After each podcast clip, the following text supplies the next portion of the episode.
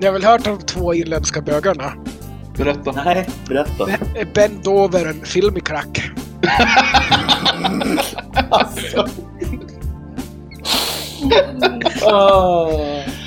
Oj, oj, oj, oj, oj. Och med det vill jag hälsa er välkomna till detta avsnitt av aktualitets och populärkulturpodden Koffepodden med mig, Koffe, och med dig, Nedem. Hej Nedem. Hej. Och så här den nolfte advent så är det ju väldigt självklart att vi ska prata jul och julstämning.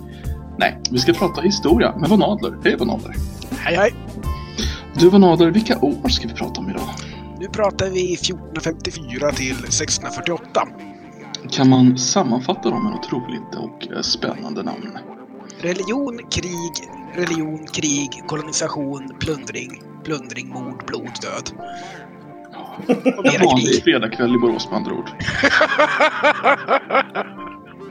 Ja, det är fan en riktigt bra fredagkväll i Borås alltså. Det får man säga. Vet inte, Jag vet inte. tömmer boråsarna Prags slott?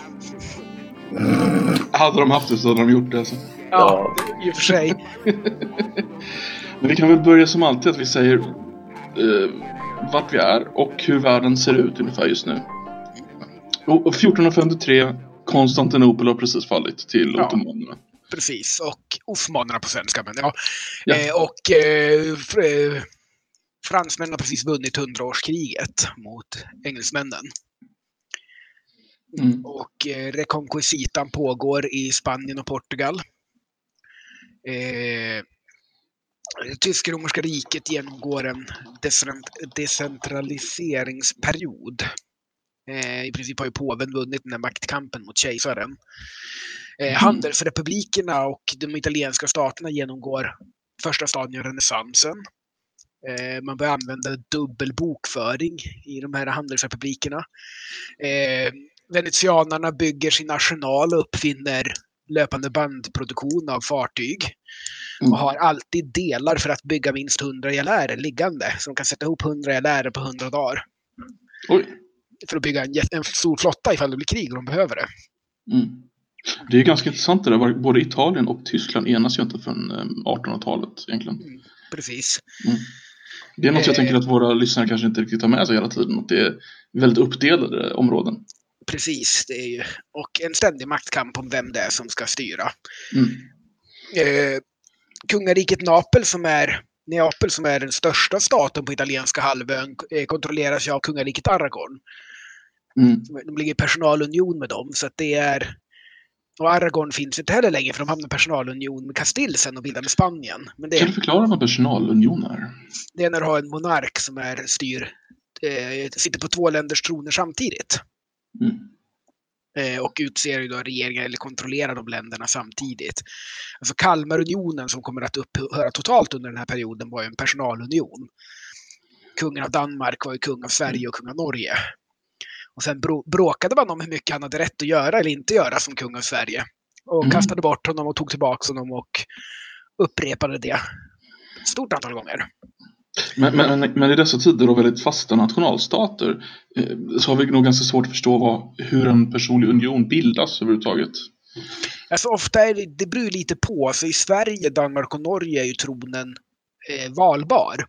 Mm. Man väljer en kung och en tronföljare och sen väljer man tronföljaren till kung. Men det står ju i de då, landskapslagarna att Svea äger rätt att taga konung och så vräka. Okej. Eh, så att man, eh, tingen har ju rätt att tillsätta en välja en kung men också att avsätta kungen om de är missnöjd med hur kungen agerar. Och tingen består av adelsmännen, eller? Nej, det är alla representerade där. Jaha, okej. i prakt alltså det här är ju lite, man pratar ju om eh, Uppsala möte då på 1400-talet som det första ståndsriksdagen när alla tingen samlas till ett stort ting. Mhm. okej. Eh, och eh, då är ju även bönderna, borgarna och prästerna representerade. Men ofta var det ju så att adel hade väldigt mycket kontakter och inflytande i sina lokala områden. Så att tingen i deras lokala områden tenderade att rösta och följa som de adelsmännen ville. Okej. Eh, så det var ofta sådär att ja, men vill du ha mer än norra Uppland, ja, men då är det kanske ett Vasas adelsmän du ska prata med. För det är de som har inflytandet där och tingen kommer göra som deras välkända herrar som de litar på säger. Ja, ja. Det är inte alltid fallet, men ganska ofta. Får jag fråga en sak?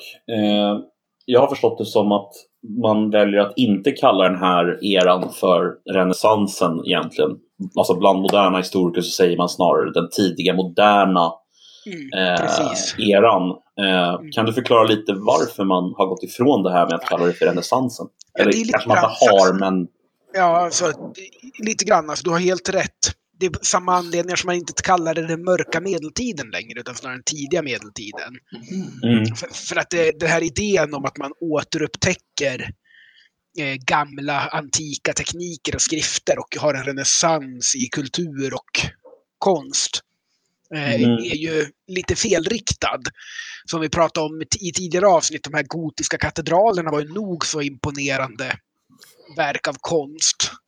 mm, Och, och, och eh, man har den karolingiska renässansen och man fick väldigt mycket eh, av gamla grekiska dokument och skrifter och romerska från araberna under korstågen och så vidare. Så det, det är ju inte så här att helt plötsligt kommer någon på Oj, romarna gjorde så här, det kan vi också göra. nej, Ding! Och så är, det en ny era. Det är inte så det funkar. nej, precis. Det känns, Vi, det vi, känns vi kan göra realistiska saker av marmor om vi lär oss att skulptera bra. Ping så är renässansen börjat. Du menar alltså att det är skillnad på verkligheten och Age of Empires? Ja, det är det Va? faktiskt. Vänta, Det, vänta, det går åt vänta, lite mer vänta. än 100 mat och 200 guld eller vad det nu är för att uppgradera vänta, vänta, vänta, vänta, vänta. Det här gillar jag inte. Ska ni kritisera Age of Empires? Då, då vet jag inte om jag vill delta här längre. Alltså jag skickar lite Wow. English Longbowmen på det här nu och då har du inte en chans. Jag hör att eh, det kommer bli en NVN-strid här i framtiden. Det, det är vad jag hör. Ja, precis. Ehm. Nej, men Jag, jag kommer att ha eh, halberdiers och English Longbowmen och det finns ingen kombo i spelet som slår det. Ja, det är, då får jag ha samma sak. Och så får jag mikra bättre än dig bara. Ja, precis. yes, vad var vi? Sorry. Eh, vi var med renässansen, ja. Eh, och- men det sägs att en del av det här börjar därför att eh, greker då som flyr västerut undan osmanerna när de tar Konstantinopel ska ha fört med sig mycket kunskap och gamla skrifter till bland annat Italien då och slagit sig ner där och det ska ha haft en katalyserande effekt på utvecklingen. Prosit! Tack. Tack. Yes. Eh, Är du, är du allergisk mot osmaner? Det är därför. Så fort jag Ja, men det du vet du nysa. ju. Herregud. Direkt när du börjar prata om det där så händer det varje gång. Så att det, Jag tror faktiskt det hände förra avsnittet också. ja, det kan det mycket väl ha gjort. Vi, vi börjar se ett mönster. Ska vi säga Suleiman laggivaren. Nej, det kommer ingen nysning där. Ja, han var inte, okej ja, tydligen. Han Mehmet den gillade jag. andre. nej, Nej, då, inte där heller. jag börjar känna direkt. Åh herregud. Janissarerna kommer. Nej, inte där heller. Nej. Nej, Vi, får, vi, vi får undersöka det här lite var det kommer ifrån. ja. Precis, men, men det, det förekommer en ökande handel och eh, man eh, öppnar även många gamla gruvor. Bland romarna Mm. för att man uppfinner ju eh, vi ska se, eh, sugpumpen och eller vad heter det, eh, vad heter det på svenska? Det heter piston pump på engelska. Jaha. Det heter stavpump tror jag på svenska. Vad är det för Eh, något? Kolvpump. Alltså det är en pump som har en kolv inuti så när du drar den blir det ett vakuum. Så då kan du suga upp Mm. saker som vatten till exempel. Så, så innan fanns det inga pumpar helt enkelt? Det här var... Jo, det fanns under antiken men det återuppfinns och uppfinns Ja. bättre. Och tillsammans med, eh, och nu vad heter det på svenska också, det är ju det här hjulet man kan gå inuti. Eller ha en häst eller en åsna inuti. Det är inte ett vattenhjul. Nej, alltså det är ju ett eh, handdrivet hjul. Jaha, okej. Det är ett hjul som du alltså, står inne i och går Ja, i med till exempel precis. en åsna då Som för ett att få svav, ja, Okej. Eller en människa, så det, det är som ett hamsterhjul ungefär fast betydligt större. Mhm. Eh, och det använder man då för att pumpa och på så vis kan man pumpa vatten ur gruvor och nå mycket lägre. Ja, just det. Och bryta mer malm. Så man återöppnar en hel del gamla romerska gruvor som har vattenfyllts med den här Okej. metodiken. Eh, och bland annat i eh, eh, Tal i eh, nuvarande Tjeckien, alltså Böhmen, så, skapas eh, talern. Och det är väldigt intressant. Det är ett silvermynt med en viss vikt då, som de håller väldigt hårt på. Så att den kopieras ju över hela världen.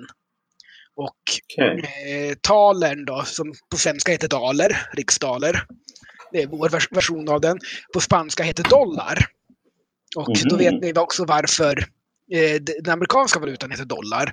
Därför att det är visserligen senare under eran, men spanska silvermynt som var åtta realmynt, berömda pieces of eight, var ju eh, endollarmynt värda åtta real, som var den spanska valutan. Och de var ju standard i nya världen, så att när amerikanerna skulle skaffa sig en valuta så baserade de på den. Ja, precis. För att det var redan den som var etablerad där. Mm, precis. Så att, eh, men den, skapas ju under den här eran i, i Böhmen. Till och med lite tidigare, men den blir standard. Och eh, det är för övrigt också väldigt lite senare under eran, men eh, Maria Theresia som blev lite senare den här eran, kejsarinna av Österrike, av Tysk-romerska riket och Österrike. Eh, prin, eh, myn, slår ju Maria Teresa talermynt. Och de blir standardvaluta i Mellanöstern och kring Röda havet. Och ungefär Aha. 30 procent, 20 eller 30 procent av de mynten som slås hamnar i Etiopien, där de tycker jättemycket om den. Och har den, den är standardvaluta där fram till 1940-talet. Börjar värdet på valutan devalveras på en gång i termer av att man minskar mängden silver i... Ja, det, är det man inte gör med den här talen. Det är därför den blir så populär och fortsätter vara så Okej. populär. Okej. För, för, för att all, så gott som alla håller silverhalten på den väldigt bra. Men hur, hur, hur, hur kommer det sig då? Vet man varför den lyckas bibehålla silvervärdet kontra liksom andra valutor som hela tiden blir devalverade på det sättet? Ja, alltså, hur kommer det sig? Det, det sker ju ganska lite sån devalvering i Europa under den här perioden. Och det är delvis därför att du har en naturlig devalver, eller inflation på det här för att spanjorerna tar in så mycket silver från nya världen. Så att det Aha. skapar det som kallas den långa inflationen. Från tidigt 1500-tal till 1650 någon gång så har man en 1 till 1,5 till 2 procent inflation varje år. För att spanjorerna tar in så mycket silver och är intresserade i ekonomin. Och det är det som skapar penningekonomin i Europa. Så all slags naturhandel försvinner ju och även vanan att betala skatter i natura försvinner också. Även i Sverige bland annat där, ursäkta, Ja, vänta, vänta. Är du, du allergisk mot pengar? Nej, jag är bara väldigt förkyld. Jag har pratat Jag bara kollar. taler, Jag bara kollar. jag har pratat taler jättelänge utan att hosta. Så det är här, skatterna är jag allergisk mot. i Ja, just fall. det. Ja, Det de makes pratade om nu. sense. Makes sense. Nej, men, eh, och även i Sverige övergår man här då för att vi har ju landränta som bönderna betalar i skatt till kronan. Och Mm. eh, det gör man sådär att du ska betala två tunnor råg per mantal till exempel. Men man övergår till att det står fortfarande två tunnor råg, men man betalar i mynt. Och det är så alltså, väldigt mycket av den ekonomiska utvecklingen den här perioden drivs ju då av att den här inflationen och av som eh, har är då mest har man haft deflation eller som du, du säger då Koffe med eh, försämrad silverhalt i mynten. Mm. Det sker i många andra valutor men inte i eh, brittiska shillings och inte i taler. Det är intressant. Alltså. Och, det, och det har då att göra Mm. menar du, med kopplingen till den konstanta inflationen. Så helt enkelt ser till så att det här är det enda sättet som man kan byta värde med varandra på. är inte enda sättet. Alltså, vi har ju även dukaten som blir standardguldmyntet under den här perioden. Till lite tidigare. Det är en veneti venetians guldmynt med, om jag minns rätt, 3,4 gram guld i. Oj. Eh, och det är väldigt, väldigt tunt, men det, den uppehåller också värdet och dukaten fortsätter att vara standardguldmynt ja, fram till brittiska imperiet blir riktigt stort i början av 1800-talet. Jävlar. Så talen och dukaten är standardvaluta och allt annat Mm. mäts i det i princip. Det är därför man säger liksom att eh, spanjorerna hade sin valuta som var real. Men åtta Mm. real eh, är en daler. Taler. Mm. Och därför står det åtta på de här mynten och det är därför piraterna kallar dem piece of eight. Aha.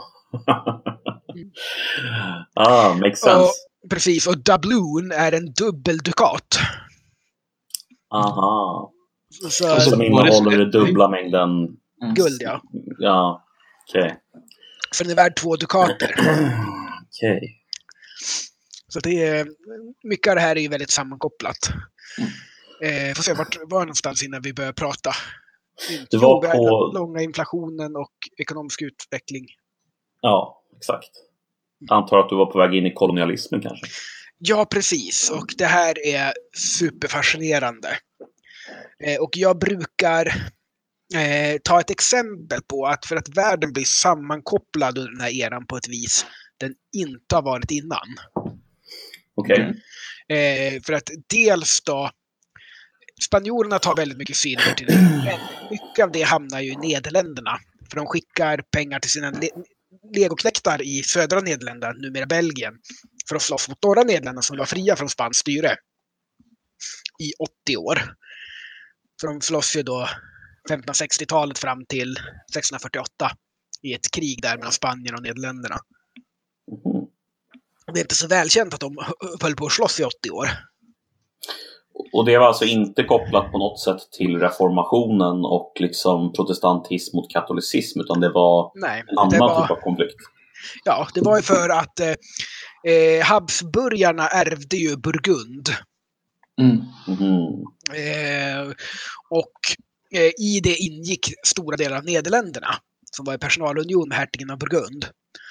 Och eh, när då det eh, spansk-tyska riket bildades, när Habsburgarna ärvde Spaniens tron också, förde de över Nederländerna till Spanien. Mm. För att Mm. eh, de själva hade lite svårt att hantera det, för de hade så mycket redan. Det gick fortare att ta sig dit på, per båt, så det var liksom bättre att sköta det på så vis. Men Nederländerna tyckte nej, vi vill vara självständiga och så krigar de om det i 80 år. Okej, okej. Men de lyckades, eller hur? Ja. Det finns en anledning till att vi har börser och banker, moderna banker nu. Det var Nederländerna som uppfann. Varför Eh, uppfann de det? Eller hur uppfann de det?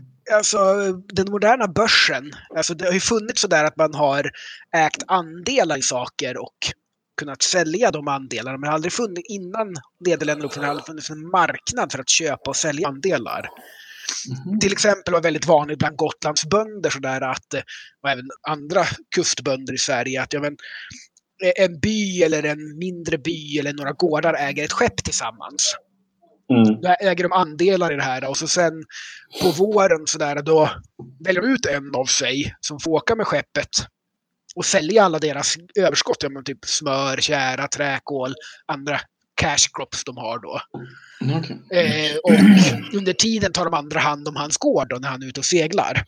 Och sen när han kommer tillbaka så delar de på pengarna utifrån hur mycket de äger av skeppet då. Aha, Ja, okej. Så, så att andelsföretag på det viset har ju funnits väldigt länge. Men möjligheten att sälja andelar och framförallt att sälja andelar i förskott för att få pengar till ett företag. Det uppstår på 1600-talet i Nederländerna. Okej. Då skapar de den moderna börsen. Sådär. Om du säger att jag vill eh, bygga ett skepp eller köpa ett skepp och så vill jag segla till Afrika och köpa slavar och så ska jag segla till Karibien och sälja dem och lasta ombord socker och komma tillbaka igen. Men jag behöver ju pengar för att göra det och då kan du sälja andelar på börsen.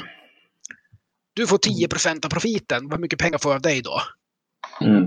Och då kunde folk som hade pengar över investera dem på det viset. Och du kunde få fram pengar. Innan var man tvungen att gå till en rik person för att få fram pengar till sånt här. Ofta en rik adelsman eller kungen eller sådär. Det var ju så Kristoffer Columbus gick till eh, Ferdinand och Isabella, Castille och Aragon. Eh, och fick pengar av dem för att segla till Indien. Som Mm. visade sig vara Amerika då. Ja.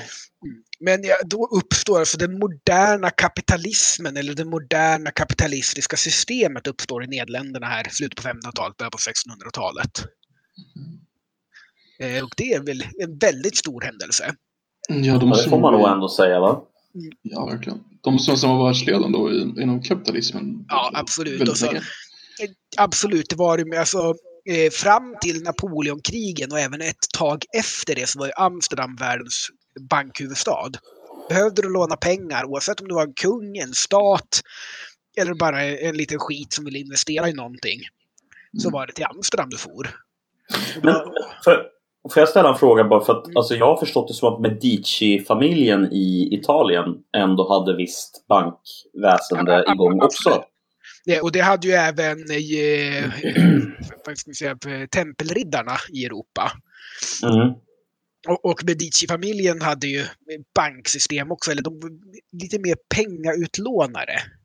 Okej. Alltså det är den första moderna banken du tänker du kan deponera pengar och få ränta och så använder peng, de, banken de pengarna till att låna ut till andra och så vidare. Mm. Eh, alltså Medici-bankerna är ju en lite mer protomodern bank och det eh, som, som eh, tempelriddarna gjorde i början var ju först att transferera pengarna så att du kan deponera 100 guldmynt i Paris, få en lapp och få åka till Venedig och visa upp lappen och få 100 guldmynt. Så du slapp Mm. släpa på en massa pengar för detta var ju populärt mål för stråtrövare och landsvägsriddare och så vidare. Mm. Många av borgarna kring Ren är ju byggda på att råna folk som åker förbi. Skulle du säga att den här kapitalistiska, eh, så att säga, eh, eh, eh, vad ska man kalla det för? Eh, genombrottet som skedde då i Nederländerna, skulle du säga att det var av nödvändighet för att kunna finansiera sitt krig mot Spanien? Jag skulle snarare säga att det, var- att det var för, inte för att finansiera kriget mot Spanien utan snarare att kunna eh, finansiera alkoholism och handel upptäckter de gjorde under den här Mm, perioden. okej. Så det hade För- inte att göra med den här eran av liksom självständighetskrig? Liksom. Alltså det, det är klart det hjälpte dem att de fick in väldigt mycket pengar på det här. Mm. Okej. och därmed hade de pengar att kriga för. Men jag skulle säga snarare sådär att Nederländerna får ju runt och koloniserade och handlade över hela världen. Memet är ju sådär att det, det, det luktar lite kryddigt och så kommer ett holländskt skepp tjonk från ingenstans. Aha. För de får ju till Ostindien och handlar med kryddor Mm. väldigt mycket. Men, men samtidigt som Nederländerna har den här enorma finansiella makten så blir de ju aldrig någon... eh, De har ingen större territoriellt eh, expansion inom Europa överhuvudtaget. Nej, alltså de var ju inte intresserade av det. Nej. Och, eh, de hade ju en republikansk regering. De hade ju inte en monark, utan de valde en ståthållare. Sen var det nästan alltid eh, prinsen av Orange som blev ståthållare över Nederländerna. Jo visst, det bara råkade vara så, men... Ja, men det var ju perioder de inte hade någon ståthållare alls. ah, att- okej. Eh, och eh, de var inte intresserade av territoriell expansion på den viset. De som hade makten i Nederländerna var ju handelsmän, industrialister, kolonisatörer, sjöfarare. Mm. Och eh, de var intresserade av profit och kolonisation och handel snarare än att ta över Belgien. Eh, så att, eh, det var ju det de sysslade med. Och man får ju över och kolonisera i Karibien då och nu ska komma in på sockret här och eh, en liten intressant grej Ja, vad det relaterar till Sverige. Alltså dels var de här sockeröarna makalöst profitabla. Mm. För socker var väldigt, väldigt populärt i Europa. Och det lämpar sig väldigt bra att odla sockerrör där. Och eh, till exempel Barbados år 1630 stod för halva engelska statens inkomster. Bara lilla Barbados. Alltså Herregud. det, lika mycket som Wales och Englands skatteinkomster tillsammans. Shit. Och varför var socker så... Har du ätit chokladkaka någon gång? Ja, Socker ja, är ja visserligen men... Alltså, Socker är väldigt gott. på det. Nej men alltså, socker har varit en lyxvara genom hela historien fram tills, ja, 1600-talet när det börjar bli en allmän vara. Men Mm. det, socker är fortfarande ganska dyrt, men det är fortfarande sådär att dels är det en prestigegrej att du kan servera dina gäster en efterrätt som är gjord på socker. Mm. Dels är det ju sådär att du har Genom historien har du använt honung istället och det är mycket jobbigare att få tag på. Mm. Mm. Särskilt innan man uppfinner den moderna bikupan när man kan eh, ta honung utan att förstöra för bina. Det kunde man inte förut för man var tvungen att slå sönder bikupan. Så bina var tvungna att bygga en ny varje gång de skördade honung och då fick du ut mycket mindre. Ja, det är lite Eh, segt. precis, och så eh, socker håller ganska bra. Mm. Så det möglar ju inte. Och det är ju en väldigt bra eh, konservator också. Alltså har du tillräckligt mycket socker i någonting så möglar och ruttnar det inte. Det är liksom därför du gör sylt Mm. och saft av bär och frukt. Mm.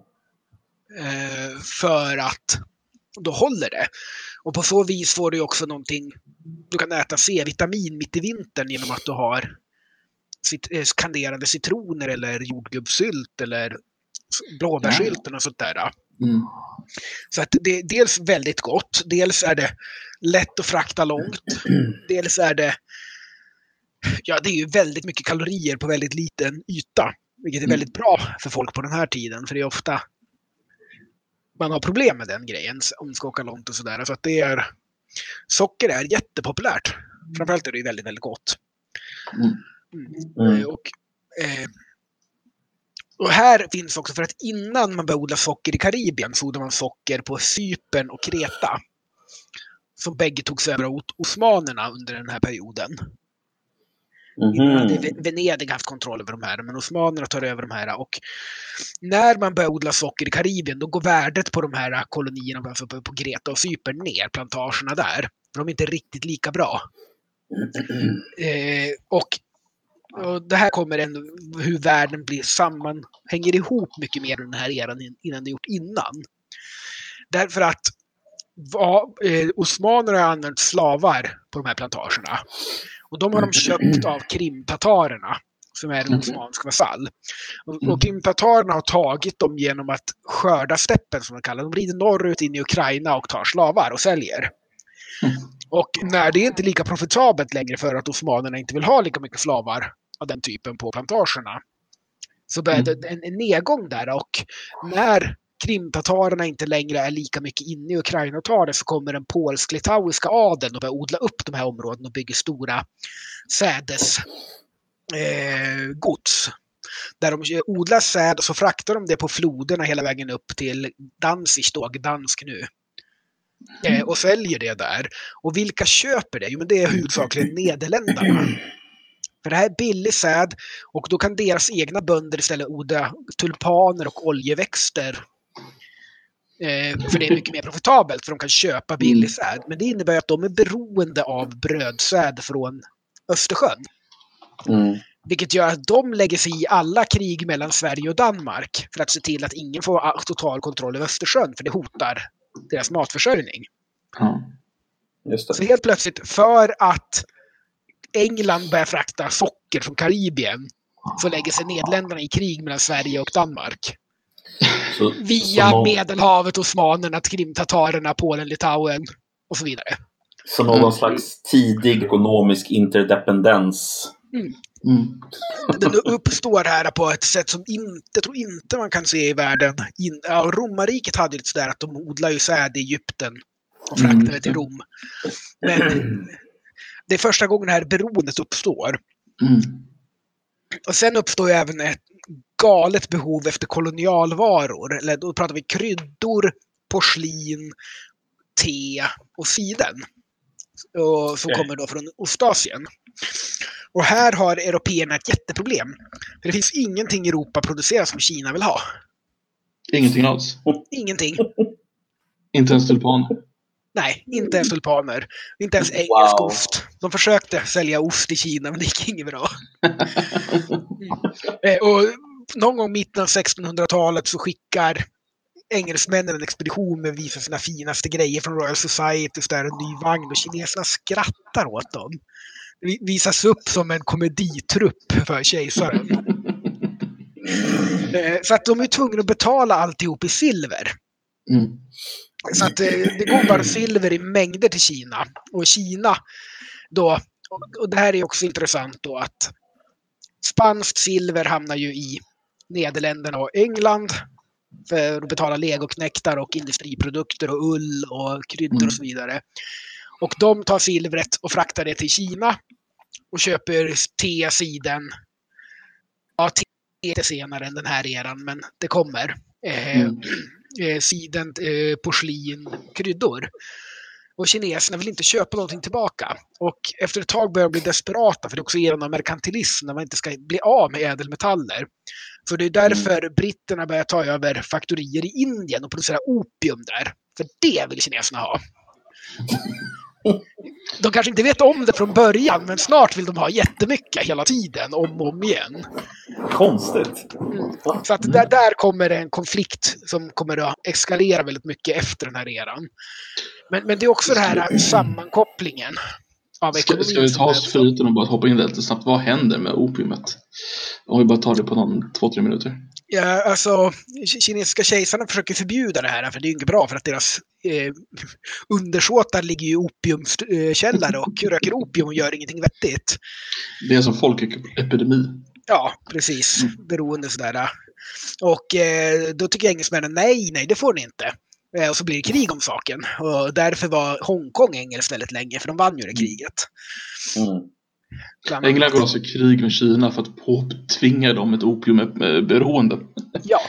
Eftersom det är det enda de köper av dem. Ja. ja. Det är fascinerande. Mm. Ja, det är mycket fascinerande. Mm. Det ska nämnas också, nu ska jag hoppa lite här för nämnden, men eh, eh, Maurice av Orange är ju en befälhavare och ståthållare i Nederländerna som reformerar krigstaktiken en hel del. Eh, ska gå tillbaks lite innan jag kommer in på honom och vidare där inser jag. Därför mm. att eh, Frankrike och eh, Habsburgarna är ju ärkefiender under den, hela den här eran. Och lite till. Därför att fransmännen känner sig omringade i och med att Habsburgarna har både Spanien och Tysk-romerska riket, vilket inkluderar norra Italien. Mm. Mycket där. Mm. Eh, och därför allierar sig Frankrike med osmanerna. För osmanerna är ju fiender till Habsburgarna, för de bråkar ju om. Balkan. Mm. Och eh, Frankrike går ju in i norra Italien på 1520-talet och får ju storstryk och franske kungen blir tillfångatagen. Därför att Habsburgarna och spanjorerna börjar använda den nya häftiga grejen inom krigföringen, tercion. Mm. Som är ett stort block av pikinerare med fyra små torn av musketare. Som skjuter då och sen flyr de in mellan pikinerarna när det blir dags närstrid. Och, och de här massorna, de stora fyrkanterna, det kan vara 4-5 tusen man i en sån här formation. De har ju sån tyngd så de väller ju ner bara. Eh, och puttar undan allting i sin väg. Så fransmännen har ingen chans mot det här. Men franska kungen släpps delvis på grund av osmanska påtryckningar. För de vill ju inte se att Frankrike besegras, för det är deras hjälp mot Habsburgarna. Mm. Så att, eh, och det är också därför som när Sverige väl går in i 30-åriga kriget och härja runt galore, att Frankrike mm. som är ett katolskt land stödjer Sverige med subsidier och sen även går in i kriget aktivt själva. Helt enkelt för att man är allierade med osmanerna? Nej, för en... att man inte tycker om Habsburgarna. För att man inte tycker om Habsburgarna, okej. Okay. Ja. Mm. Och ser, men Sverige kan banka på de här. Här får ni lite pengar. Fortsätt så. Bra jobbat.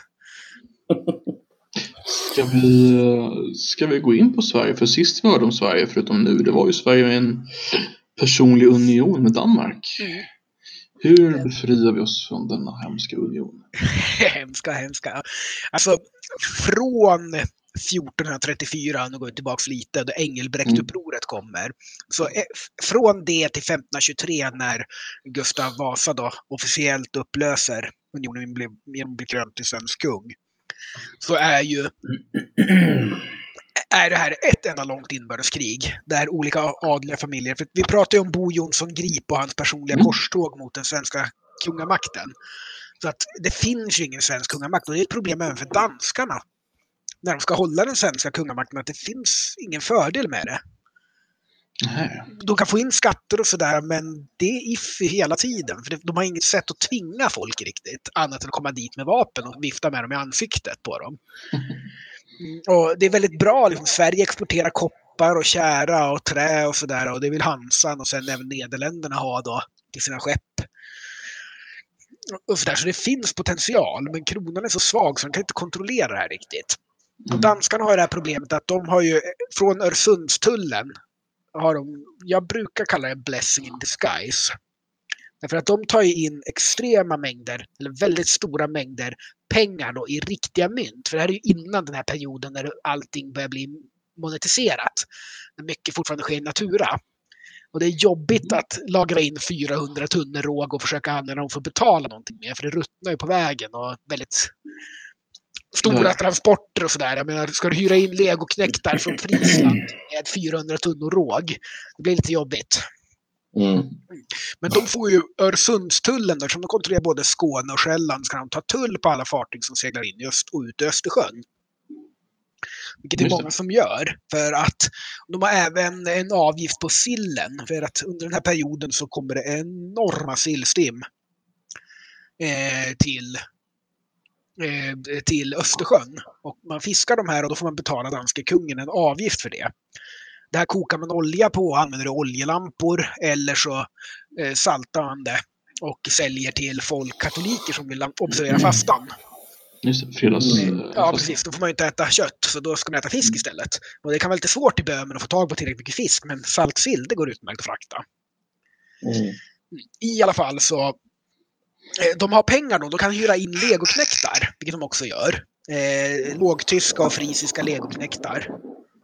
Eh, bästa trupperna i världen i princip under den här perioden. Eh, och det är de Habsburgarna använder och vinner mot fransmännen också. Eh, men i alla fall så, problemet är att det här är kontinentala trupper som är vana vid eh, livegna. Och väldigt vanligt är för att när man har vunnit då, danska kungarna har vunnit kriget och eh, blivit vald till svensk kung och så där, då ska man ju försöka sätta sitt eget folk på fogdeborgar och så här för att ta upp skatten och så, så att inte det smusslas bort någonstans. Och då Mm. sätter de ju ofta de här legoknektskaptenerna med en garnison av legoknektar på Örebro slott eller Linköpings slott och så vidare. Eh, och de med då, det här är belöning inofficiellt då, att ja, men det ni kan pressa ur bönderna som inte kronan ska kan ni behålla själva. Mm. Och de är vana vid kontinentala livegna som inte har vapen, som inte har vapenträning, som inte har några rättigheter och sådär. Så att de spöar ju på lite bönder och nu är det bäst ni betalar. Och sen är de väldigt, väldigt förvånade. Till vintern så kommer det väldigt många uppretade bönder på skidor med vapen, slåss i formation och bränner deras borgar. Oj! Ja, och det här händer om och om igen under den här perioden. Och det är därför, alltså för de svenska bönderna är också Alltså de har ju enligt de gamla landskapslagarna skyldighet att äga och träna med vapen. Mm. Eh, och de har rättigheter att vara representerade vid tinget och sen vid eh, folkmötena som sen blir ståndsriksdagen. Och de äger ungefär hälften av all odlingsbar jord i Sverige. Så de har ekonomisk makt, de har militär makt, de har politisk makt. Som många av de här legoknektarna och deras kaptener inte förstår. Och de är extremt svartsjuka att bevaka de här rättigheterna. För att de har sett hur de danska bönderna har glidit från lite samma situation ner i livegenskap. Och är dödsrädda. De är mer rädda för det än döden själv. Att själv också glida ner i livegenskap och förlora sin ägda jord. Mm. Eh, och det, det gör ju under då 1300-talet de danska bönderna väldigt mycket därför att danska staten är bra på att ta ut skatt. Så att lägger man sig under en adelsman så behöver man inte betala skatt. Eh, och sen säger adelsmannen, men jag äger den här jorden när det väl ska skatteskrivas. Och så Mm. äger bonden inte jorden längre. Och det var även så att man hade ledungen systemet där man Ja. antingen betala skatt eller resa ut och slåss. Och när de danska bönderna inte riktigt hade råd att eh, förse sig med de vapen som krävdes enligt de lagarna så eh, hamnade de under adelsmän istället. Som kunde göra det. I alla fall, och det här är ett problem för det blir ständigt uppror och eh, det förhandlas och det går fram och tillbaka och man väljer Karl Knutsson bonde till kung tre gånger och man har rikshövitsmän, Sten Sture äldre och Sten Sture yngre och så vidare. Eh, och till slut kommer ju då Kristian II av Danmark. Han vinner slaget på Åsunefis. Eh, och eh, Sten Sture den yngre blir ihjälslagen då, så han blir vald till kung. Och han lovar alla amnesti för upproret de har gjort mot honom. Och Jag sätter bara en snabb fråga. Vart någonstans är vi nu historiskt? 1520. 1520. Okay. Ja. Mm. Och eh, eh, har lovat alla amnesti för upproret då. Men när han sätter igång kröningsfesten då, som har bjudit in alla till, så eh, så, ja, fast jag lovar amnesti för det världsliga brottet, men ni plundrade ärkebiskopens borg och det är ett kyrkobrott. Så det tänker jag döma er för. Så dömer han alla och hackar huvudet av omkring 80 adelsmän i då, eh, partier, man brukar kalla det Unionspartiet och Frihetspartiet. Alltså de som ville vara i union med kronan och de som ville vara fria. Mm. Eh, och åker hem så här, nu har jag tagit hand om det här till slut. Problemet är ju att han har även lovat när han krönt sådär att respektera böndernas rättigheter och sådär. Och reaktionen där är då att okej, okay, han håller inte sitt ord till adelsmän. Vad får er att tro att han ska hålla ordet till bönder? Mm, noll, det, det, noll och ingenting. Så det blir ju uppror direkt. Och eh, Gustav Vasas far är en av de som blir halshuggna. Mm. Eh, Erik Kettelsson Vasa. Eh, vid det här blodbadet. Men han själv sitter som gisslan i en borg i Skåne. Men lyckas rymma från det då och sätter igång och försöker sätta igång ett uppror. Men han kommer för information och så här såg inget bra så att det, de tar ju tillbaka honom sen då. De här klassiska historierna som man inte vet riktigt hur mycket som är sant. Men det är ju uppror i princip hela Sverige redan innan han kommer och ställer sig längst fram med det här. Och man skulle kunna säga att det stora misstaget Kristian II gör, det är att han tar ihjäl alla som kan tänkas vara rivaler till Gustav Vasa om tronen. Mm. Alltså alla, i princip hela Frihetspartiet utraderas ju. Så det är ingen annan som kan bråka med Gustav Vasa om att bli kung, i princip. Mm. Det finns lite adelsmän som gömmer sig och sådär, men ingen är av en så prominent ett och inflytelserik som han är. Eh, så att, då vinner man ju frihetskrig bland annat genom att låna pengar och skeppa Lübeck och Hansan. Och eh, man hjälps ju av att Gustav, eller säga Kristian har mm. gjort sig impopulär i Danmark så han hamnar ju i inbördeskrig där också. Som kallas grevefejden där de avsätt, adeln i Danmark avsätter honom och insätter en ny kung. Där Men bland annat därför han... Hur lyckas Gustav Vasa bli den som leder det hela? Alltså, dels är han väldigt en av de få i Frihetspartiet som finns kvar. Resten har mm. blivit halshuggna. Eh, och eh, han har ju förmodligen varit med redan under Sten Sture den yngre. Mm. Eh, och slaget vid Brännsta kyrka, tror jag, nuvarande Årsta i Stockholm. Där mm. Bondebord vinner ett slag. Han har också en väldigt, väldigt skarp diplomatisk ådra som få mm. andra under den här perioden har. För att, och det kan illustreras ganska tydligt med, man känner ju till Dackeupproret, ganska många. Mm. Men det var ett av kanske två dussin uppror mot Gustav Vasa. Okay. Det var bara att de flesta andra utmanövrerade han väldigt effektivt. Till exempel 1529, det som kallas Västgötaherrarnas uppror. När adeln i Västergötland bestämmer sig för att nej, han centraliserar makten lite för mycket, nu gör vi något åt det här. Så de sätter igång ett uppror och får stöd av Smålands bönder i det. Och de småländska mm. bönderna tar hans syster till fånga. Hon är, är där på något slott och tar henne som gisslan. Varvid han skickar ett brev till dem. Eh, skriver tack för att ni beskyddar min syster mot det här hemska upproret. Och sen utmanövrerar han västgötaherrarna och slår ner dem, varvid de småländska bönderna. Ja, visst, så var det ju självklart. Så han ger ju dem en möjlighet att upphöra med upproret. Och därmed så slipper han slåss mot dem och kan ta hand om västgötaherrarna i lugn och ro. Mm. Smart. Och eh, det är ett par gånger det är uppror i Dalarna och då reser han själv dit och håller ett barskt tal till bönderna och bergsmännen att okej, okay, jag mm. förstår era klagomål och jag ska åtgärda det här, men ni får inte göra uppror för då kommer vi och bla bla bla och så blir det pest och pina. Men det är inte han här i, i Dalarna va? Utan han är väl där han försöker ta makten också va? Ja, precis. De är ganska upprorsglada, dalmasarna. Ja, jag tänker, ja. du kanske förstår vad jag syftar på. Mm. Ja, det är ju och eh, Peder Svarts krönika där med hur han reste runt och gjorde och inte gjorde är väldigt intressant.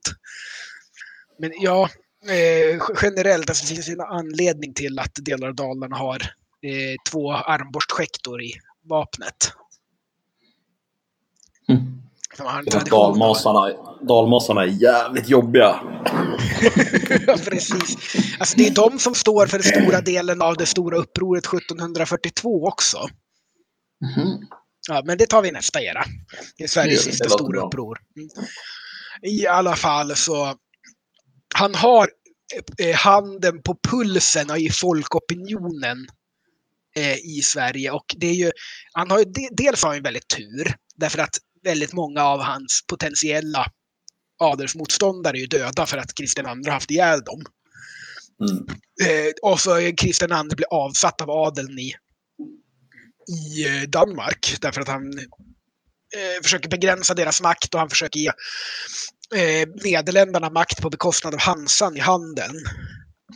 Och eh, det tycker Hansan inte om för de stödjer ju också både Sverige i upproret och sen även adeln i Danmark när de är uppror mot Kristian II, så han blir avsatt. Även i Danmark då. Och det, det gör ju att Danmark har full, är fullt upptagen under en period som Gustav Vasa är som svagast och hanterar uppror i Sverige och håller på att centralisera makten och försöka ställa upp en armé och sådär. Så är Danmark helt upptaget med sitt eget uppror.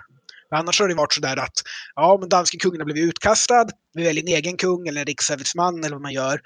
Eh, eller har ingenting alls ett tag och så kommer danskarna tillbaks när det börjar bli internstrider i Sverige. Men Mm. Gustav Vasa får ju tiden, han har pulsen på det svenska folkkynnet och lyckas manövrera väldigt många av de här upproren väldigt skickligt. Och det är intressant att en person som alltså erkänt mycket ilskeproblem som eh, Gustav Vasa hade, att han ändå kan vara så pass diplomatisk och manövrera i det här. Det är väldigt intressant att läsa hans brev. Han är väldigt arg i väldigt många brev. Tycker folk är väldigt inkompetenta för de är inte lika bra på som honom. Men, men, men hade han några egenskaper, alltså förutom att han var så upprörd och arg, som gjorde honom unik eh, på något sätt skulle du säga?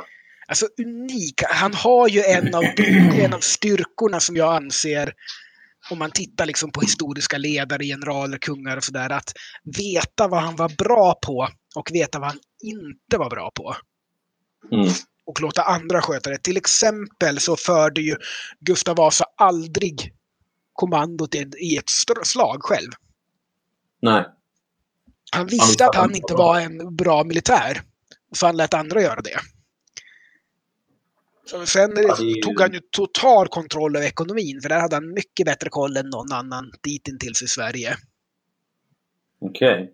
Ja, Och när du eh, säger ta kontroll över ekonomin, då menar du finanserna som i hur man ska ta ut skatt. Och det vill säga, det var där han var i kontroll över, eller han förstod. Alltså, inte bara det, liksom. Han- tog kontroll över myntslagningen, han tog kontroll över Sala silvergruva, han tog kontroll över Falu koppargruva, han tog kontroll över Okej. skatteskrivningen och hur den skulle gå till. Han tog ju Mm. kontroll över kyrkan och kyrkans pengar och förde det till kronan. Men, eh, en sak till exempel är att eh, han använde deflation för att öka kronans tillgångar. Mm. Därför att eh, innan då hade det varit en del försämring av silverhalten i svenska och danska mynt som användes.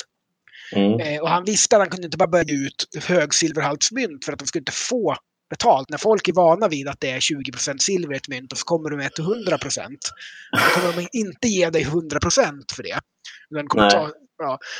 Vad han gjorde var att han gradvis ökade silverhalten då. Så att han slapp den situationen. Och sen när han hade fått upp silverhalten så slutade han slå mynt. Så det blev brist på mynt. Varvid de mynt de själva hade blev mer värda. Ja, såklart. Så att de använder ju då deflation. Så att det är mycket sånt där som är, han är före sin tid i en förståelse av hur ekonomi och mynt och skatter och inkomster funkar. Okej. Det där var intressant. Så att han använde deflation som ett vapen helt enkelt för att stärka staten gentemot resterande samhälle. Ja, bara så att staten kunde få mer för pengarna då. Som de Mm. hade la- upplagrade. Mm. Och man samlade ju väldigt mycket pengar. Det kallas skattkammaren på eh, slottet Tre Kronor då, som brann sen. Mm. var ju kallas herr Eskilstumak. För det var en gammal trotjänare till Vasadynastin som fick vara skattmästare. Och där samlades det ju allt silver man tog från kyrkorna och sådär. Det är väldigt mycket pengar han samlade in där. Dels för att betala skulderna till Lübeck men också för att bygga en flotta. Eh, och eh, bygga det som kallas Fänrikorna som är den första armén Sverige har. Är det, här, är det här eh, för tidigt eller vill vi gå över till att prata om reformationen kanske? Ja, den kommer ju här så att det är ju Mm. Jag tänker att den känns rimlig. Liksom. Varför, varför, varför är det liksom rätt tillfälle för Gustav Vasa att överhuvudtaget gå in och ta silver från, eh, från kyrkorna till exempel? Det, Ja, det måste ju vara det, det, det är kopplat för att på, påven är ju under belägring av reformationen. Mm. Så det finns ju ingenting han kan Mm. göra. För att Sverige blir inte protestantiskt då faktiskt. Men det blir Nej. först på, slu, på slutet av 1500-talet. Med upp, ett möte i Uppsala. Vad var Sverige under Gustav Vasas tid då? Eh, då var vi ett statskontrollerad katolicism. Kungen hade rätt Okej. att eh, utse påvar och ta, eller inte påvar, eh, biskopar och präster och Ja, ta tillgångar från, ja, kyrkan blev statlig egendom, kyrkans Mm. egendomar, men det var fortfarande officiellt katolskt. Okej. Fascinerande. Eh, Kan, du bara, kan du inte bara snabbt redogöra lite för reformationen? För att de som lyssnar som inte vet kanske... Ja, jag vet inte. Kanske Ja, kan, du, kan du bara gå igenom de här 95 teserna lite snabbt? ja, precis. Räcker det om jag spikar upp dem på en kyrkdörr? Ja, Ja, absolut. absolut. Nej, jag vill ha en kort redogörelse bara. Så att, så att en sån här liten primer. Vad var det för någonting? Liksom? Ja, alltså, eh, kyrkan, katolska kyrkan hade ju en del ekonomiska problem och en del problem med korruption. Var ju bland annat borgarpåvarna då som mutade sig till påvestolen och där eh, påven då började utse sina oäkta barn till kardinaler och generaler och sådär i påvestaten. Det var väldigt lite moralisk kyrka om man säger så. Mm. Och dessutom börjar man bestämma för att bygga en del praktverk och sådär och även föra krig i Italien som påvstaten för att göra dem större. Eh, Okej. Så att eh, man eh, gick väldigt mycket pengar så att eh, man började sälja avlatsbrev. Och det var en av de stora grejerna då att du kunde köpa dig fri från synder. Mm. Eh, Så att du betalade kyrkan pengar och så fick du förlåtelse för synder. Och det här vänder sig många emot, liksom, för att du ska få syndernas förlåtelse genom botgöring, inte genom att betala pengar. Eh, och det, var, det och korruptionen då var en av huvudanledningarna till att Luther eh, satte igång sin reformation. Då. Mm. Och det finns, fanns ju andra som ville reformera inifrån. Eh, bland annat, vad heter han igen? Eh, ja, det kommer säkert senare. Hur, hur tror du sig att det kommer sig att eh, Luther är aktiv just i Tyskland? Alltså, finns det någon anledning till att det här sker i Tyskland och inte till exempel i Italien självt? Eller ja, så vidare. Alltså i Tyskland finns det ju första som är villiga att gömma honom och stödja honom. Mm. Eh, för att det, du har den här decentraliserade strukturen. Mm. Där kejsaren inte kan säga till kurfursten av Brandenburg att ge mig den här personen, utan det har han inte rätt att göra. Okej. Så det är egentligen bara möjligt egentligen i Tyskland vid det här tillfället Ja, det att gömma sig säkert. för staten. Det kan säkert ske i andra länder också, men i Tyskland har det större chans. Mm. Fattar. Intressant. Ska vi gå tillbaka till eh, eh, där vi var då? Eh, vi var vid reformationen och pratade om den. Eh, och så fick du förklara lite snabbare vad det var för de som inte visste. Och sen så, yes. Eh, och eh, eh, nu ska vi se, jo, precis, och då tar ju Gustav Vasa kyrkotillgångarna och använder dem Precis. och tar ju även då kyrkklockor, det är det som sätter igång Dackelupproret sen, för att kunna betala eh, Lübeck, de här stora skulderna man har efter fartygen och kanonerna man fick och köpte under frihetskriget. Okej. Eh, och- och eh, det gör ju folk väldigt upprörda och blir uppror och han, men han vinner ju till slut då. Eh, men som är väldigt intressant är ju att han delar faktiskt upp kungariket i hertigdömen. Så alla sönerna får varsitt hertigdöme. Och det här är ju en svensk tradition. Det är därför liksom barn till kungen är hertigar, det är ingen annan som är det. Mm. Mm. Man i andra länder kan ha hertigar som inte är barn till kungen. Men det är en egen dynasti. Eh, och eh, det är ju eh, då Erik blir kung, så har du Johan, Karl, Magnus och... Jo, men det är de. Får varsitt hertigdöme. Och mm. Magnus är ju galen, så att hans hertigdöme blir uppdelat ganska fort. Eh, och så sen så tar ju Johan Erik sätter igång Nordiska sjuårskriget och spenderar mycket av pengarna som pappa har samlat ihop på det. Men mm. vinner ju Estland i alla fall. I övrigt blir det oavgjort. Och så han tvingar också danskarna att avsäga sig kravet på den svenska kronan. Hur länge håller de Estland? Eh, från 1560 någon gång då till 1721. De är väl ganska förtjusta i den tiden i Estland fortfarande, ja. Precis. Det, efter 1721 så eh, uppstår begreppet Vanna äg, med ursäkt för uttalet för alla ester som lyssnar. Eh, den gamla goda svenska tiden.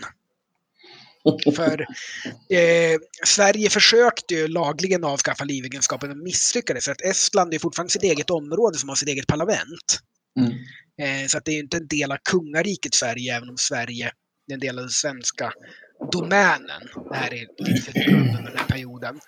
Men esterna är ju inte representerade vid riksdagen utan de har sin egen lantdag. Och där är det bara präster, adel och borgare som alla är tyskar som ja. är representerade. Eh, och eh, de motsätter sig upplösningen av livegenskapen. Men eh, Sverige gör en del intressanta grejer. Dels så eh, trycker man katekesen, alltså Luthers katekes och Bibeln mm. på estniska. Och svenska präster ges ut på landsbygden därför att man måste ju ha husförhör och utbildning i Bibeln och katekesen. För att de ska bli goda, goda protestanter. Eh, och då går, ger de sig ut och trycker de på estniska och ger sig ut på landsbygden och lär i alla fall delar av den estniska bönderna att läsa. Inte skriva, men läsa. För det, på den här tiden anses det vara två skilda egenskaper. Du sa husförhör där. Mm. Det är något som jag inte tror att våra lyssnare har koll på alls. Det höll väl på ända in till tidigt 1900-tal i Sverige? Ja, 80-90-tal någonstans. Mm. Ja.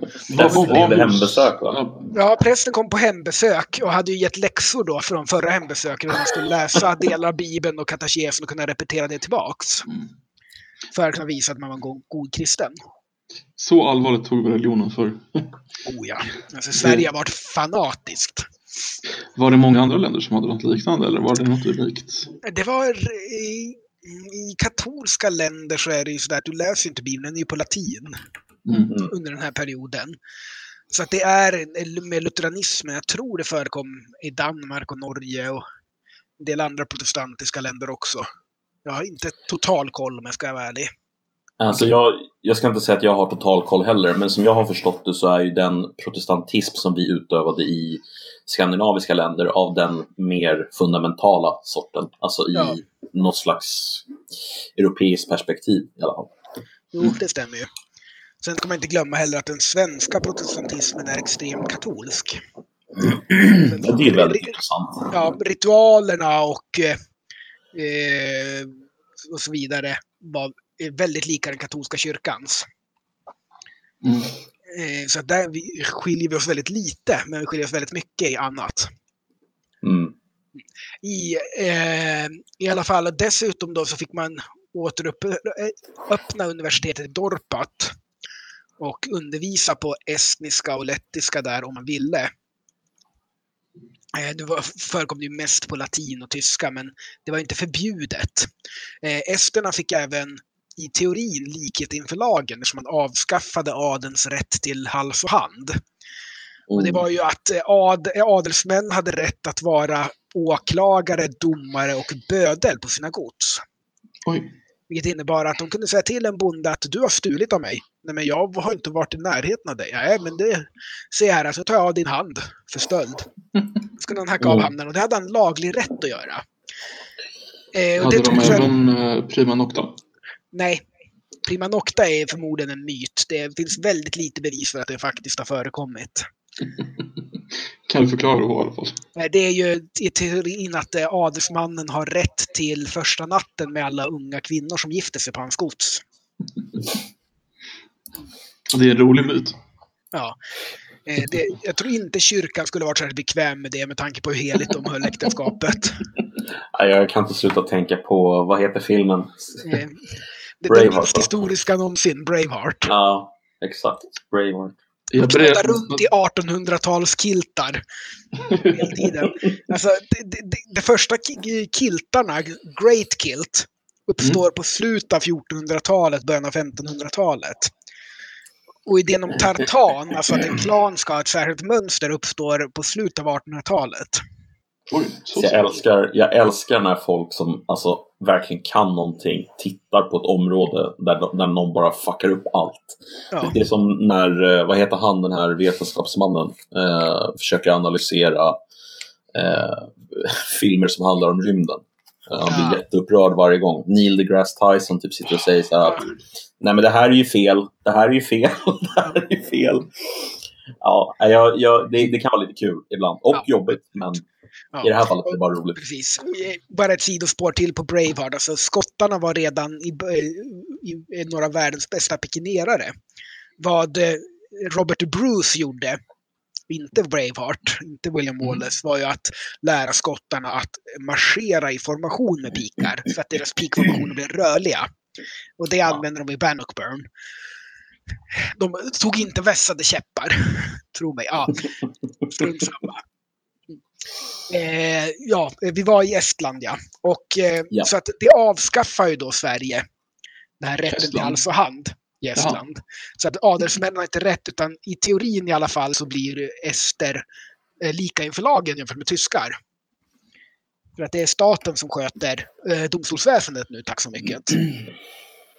Sen i praktiken är det alltid så att den som har mer resurser och utbildade så där har ju mycket lättare att göra sig hörd och så, men i alla fall i teorin Mm. eh, så blir, blir de lika inför lagen. Och sen senare då, lite efter den här eran när eh, man gör den här stora reduktionen under Karl XI, så drar man in så mycket gods till kronan och sätter dem som eh, bönderna där som var livegna som arrendatorer.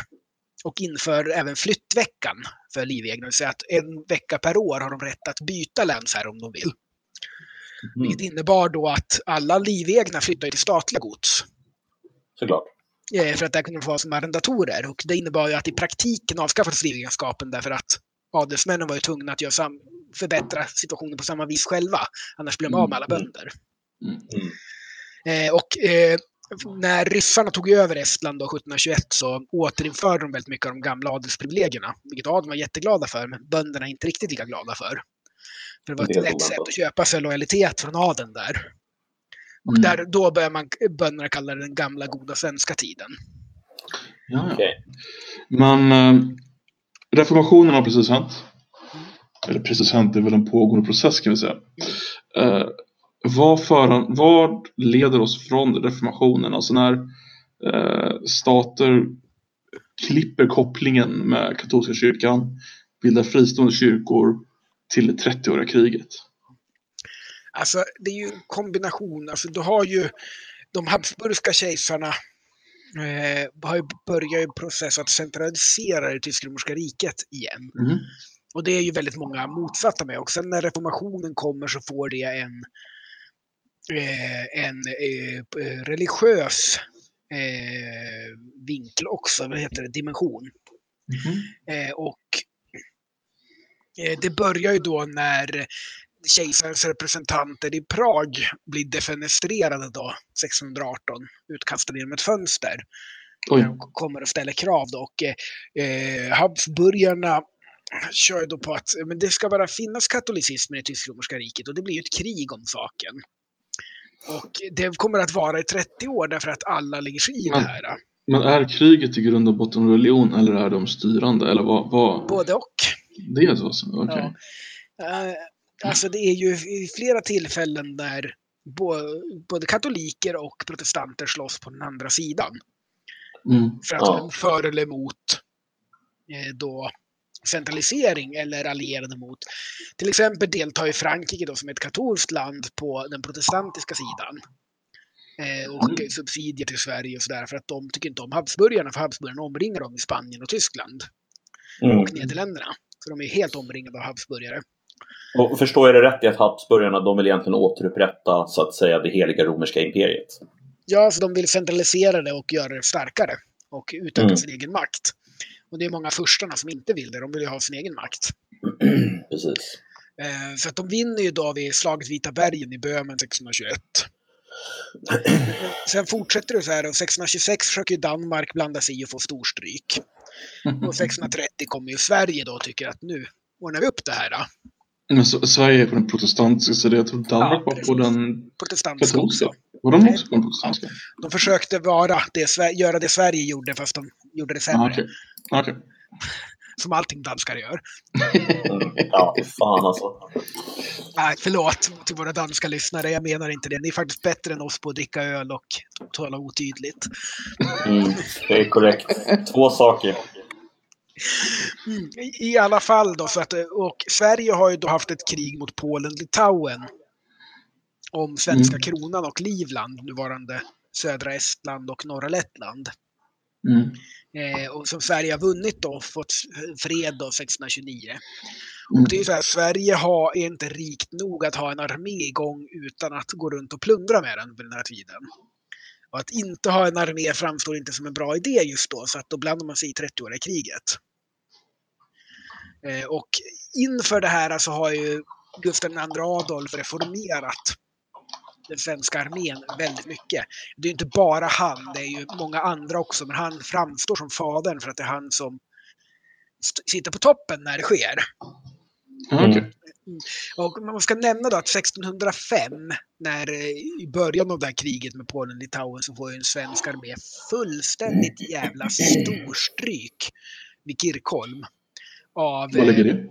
Eh, det ligger i Lettland nu tror jag. Okay om jag minns rätt. Det är i Livland i alla fall. Eh, och det är 12 000 man, svenskar, som är de bästa armén vi någonsin har ställt upp vid den här tiden. Och Karl IX själv kommenderar den och beger sig söderut. Och så kommer 3000 polska kavallerister. Bara fullständigt springer över den svenska armén totalt. Det är en svensk adelsman som offrar sig och ger sin häst till Karl IX så han kommer undan. Och det är enda anledningen till att han kommer undan. Oj. Oj. Ja, eh, och det är verkligen totalt tillplattande. Och det gör ju att eh, Gustav II Adolf upptäcker att en offensivt kavalleri kan vara en bra idé. För det är ju, vid den här tiden har man ju mycket europeiskt kavalleri på grund av att de eh, tyska landsknektarna och de skotska och schweiziska pikenerarna är så pass bra på att slåss med pikar och i formation så kavalleri blivit relegerat till någonting man använder för eh, förföljelse, spaning, samla eh, mm. information och eh, förnödenheter och man har gått över till karakollen, det är en formation där man rider runt i cirkel och skjuter pistoler när man är längst fram.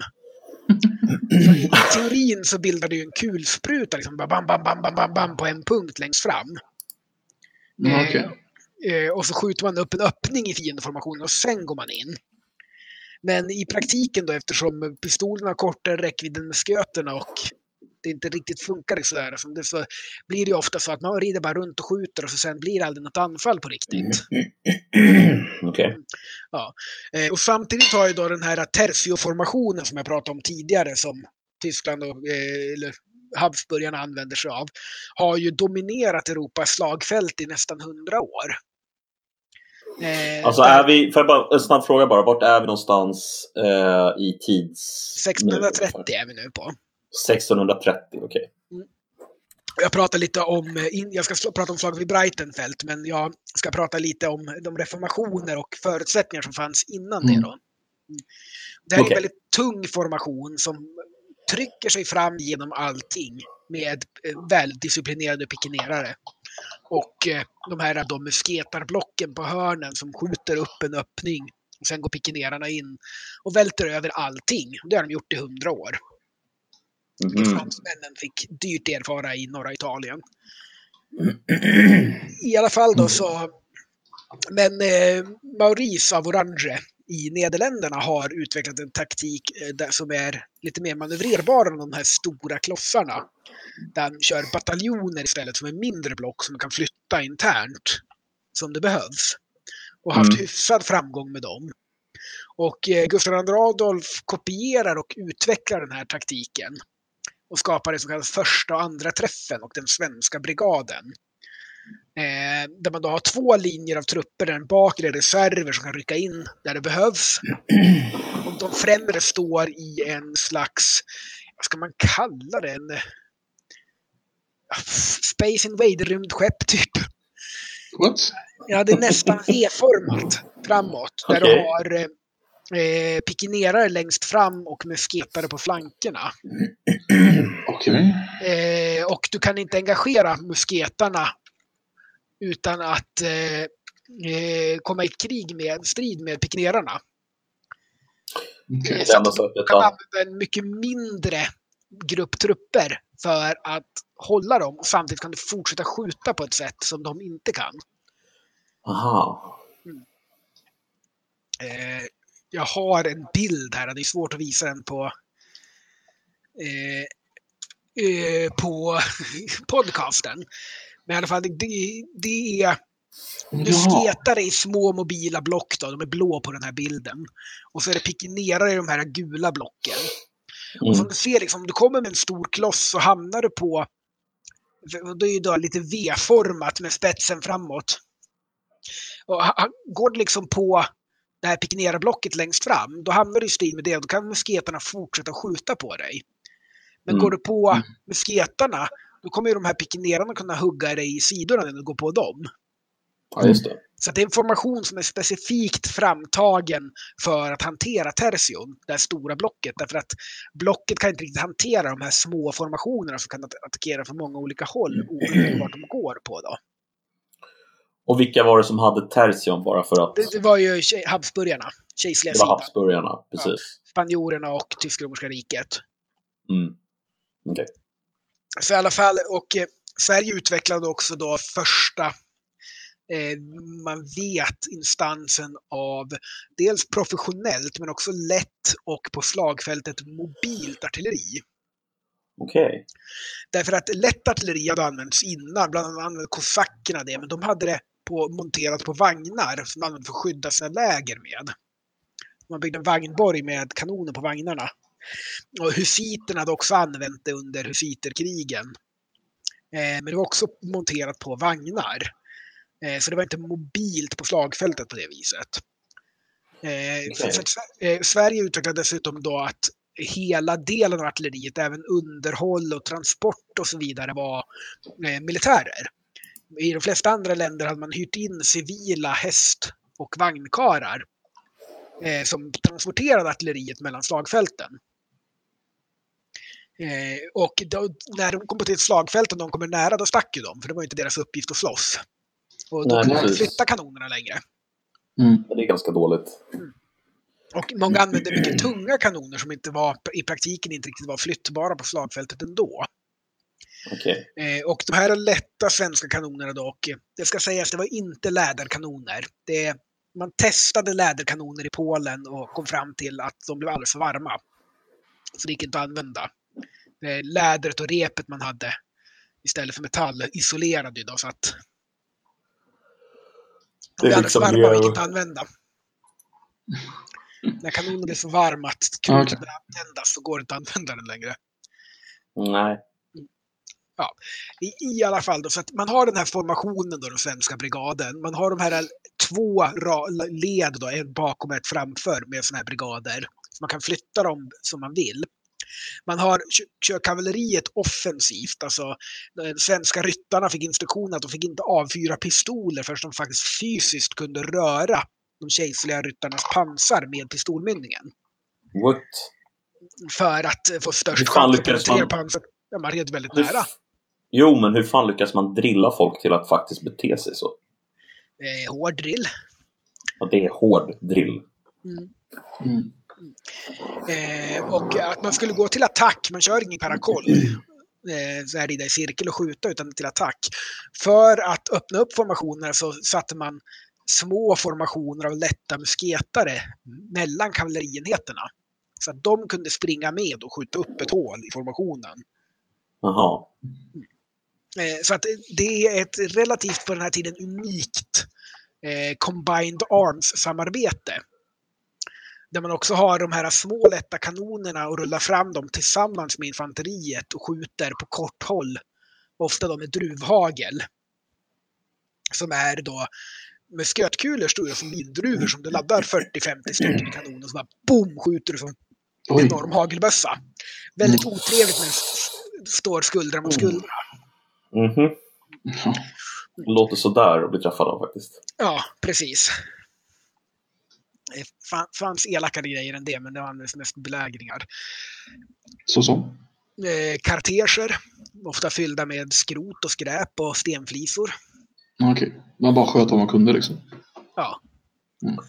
Eh, brandskott och annat. Det, man använde ju när man skulle skjuta på fartyg bland annat så hette man ofta upp kulorna tills de glödde så att de skulle skapa bränder ombord på fartygen. Mm. Skö, sköt även på borgar och fästningar med det så det brände allting inuti. Mycket otrevligt. Ja. Mm. Ja. ja. Men effektivt. Absolut. Eh, för sen uppfinner han också salvelden. Därför att det normala för musketare är att ett led skjuter. Och så tar de geväret på, eller musköten på axeln och så går de bak och så går nästa led fram och skjuter. Eh, Mm. och, och så gör man dock eh, och sköt. Men Gustav II Adolf gjorde så här att nej, men hälften går ner på knä, hälften hukar sig. Eller ja, en tredjedel ner på knä, hälften hukar sig och en tredjedel hukar sig och en tredjedel står och så skjuter man samtidigt. För då får man en mycket större chockeffekt. Mm. Mm. Men var den avvägd då med att de fick mycket längre att ladda om? Eh, ja, alltså det tog ju längre tid att ladda om, men man, det, det tog ju tid för folk att marschera i formation. Mm, Okej. Så det var fortfarande värt det fast det var inte den här Ja, konstanta? det, alltså, vad du gjorde, du sköt ju de här salvorna gärna innan du gick in med pikarna. Mm. Okej. Då förstår jag. Så slaget vid Breitenfeld så visar ju sig det här systemet funkar väldigt, väldigt bra. Dels skjuter de svenska kanonerna tre eller fyra skott varje gång de kejserliga skjuter ett. Mm. För de är lätta och kan skjuta mycket. Eh, dels så det sig det svenska kavalleriet kapabelt att hantera de kejserliga kürassiärerna, som var de här pansrade ryttarna. Okej. Eh, och driva dem på flykten delvis.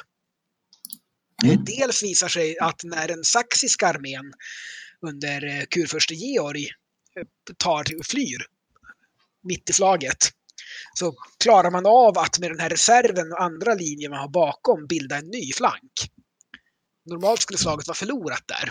Det kejserliga kavalleriet skulle bara gå in på flanken och bakifrån och slå sönder den svenska armén. Man bildar helt enkelt en ny front och håller ut. Mm. Och när de kejserliga eh, terserna börjar avancera då, så utsätts de för så mycket eld och har så svårt att komma in på livet. Och börjar gå i sidled då för att undvika den svenska kanonelden. Så när du tänker att du står de här tättpackade 4000 manna blocken och så skjuter de med kanon. Och det man gör på den här tiden man skjuter kanon och man skjuter, inte skjuter druvhagel, man skjuter rundskott. Eller alltså kanonkula. Men du får den att studsa på marken. Mm. Ungefär som du kastar en eh, macka på sjön. Den studsar. Mm. Eh, det gör man med kanonkulor. Så du kan ju tänka den här studsar igenom när du står 20 gånger 20 man. Fy fan vad hemskt. alltså. Herregud. Fruktansvärt. Och eh, vad, eh, när svenska kavalleriet på svenska högerflanken då har drivit bort det kejserliga så rider de ju iväg och tar det kejserliga artilleriet. Mm. Så att det kejserliga infanteriet då, de här tertiorna, står ju då och försöker komma åt det svenska infanteriet och äter kanoneld och musköteld, något fruktansvärt. Och så plötsligt börjar de bli beskjutna bakifrån också av sitt eget artilleri. Alltså, Så då blir det total kollaps. Ja, det förstår jag. jag förstår det alltså. Jag ser det här, jag sitter och kollar lite på statistiken. Det dog alltså cirka 7600 varav, eller det var egentligen 27 000 casualties, alltså inte döda men skadade. Ja. Och på den andra, vår sida då, så att säga, var det 5550. Så att, ja. Det är Och då ska man inte glömma att legoknekts arméer, så man tar bara fångarna och stoppar in i sina egna led. Så att den svenska armén var större efter slaget än innan. Mm. Okej, Faktiskt. det är ganska intressant. Absolut. Eh, Gottfrid Supappenheim. det var han som gjorde kavallerianfallet som drev bort saxarna. Och sen anföll han igen och igen och igen mot den nya svenska flanken, men lyckades inte åstadkomma någonting. Där ser man.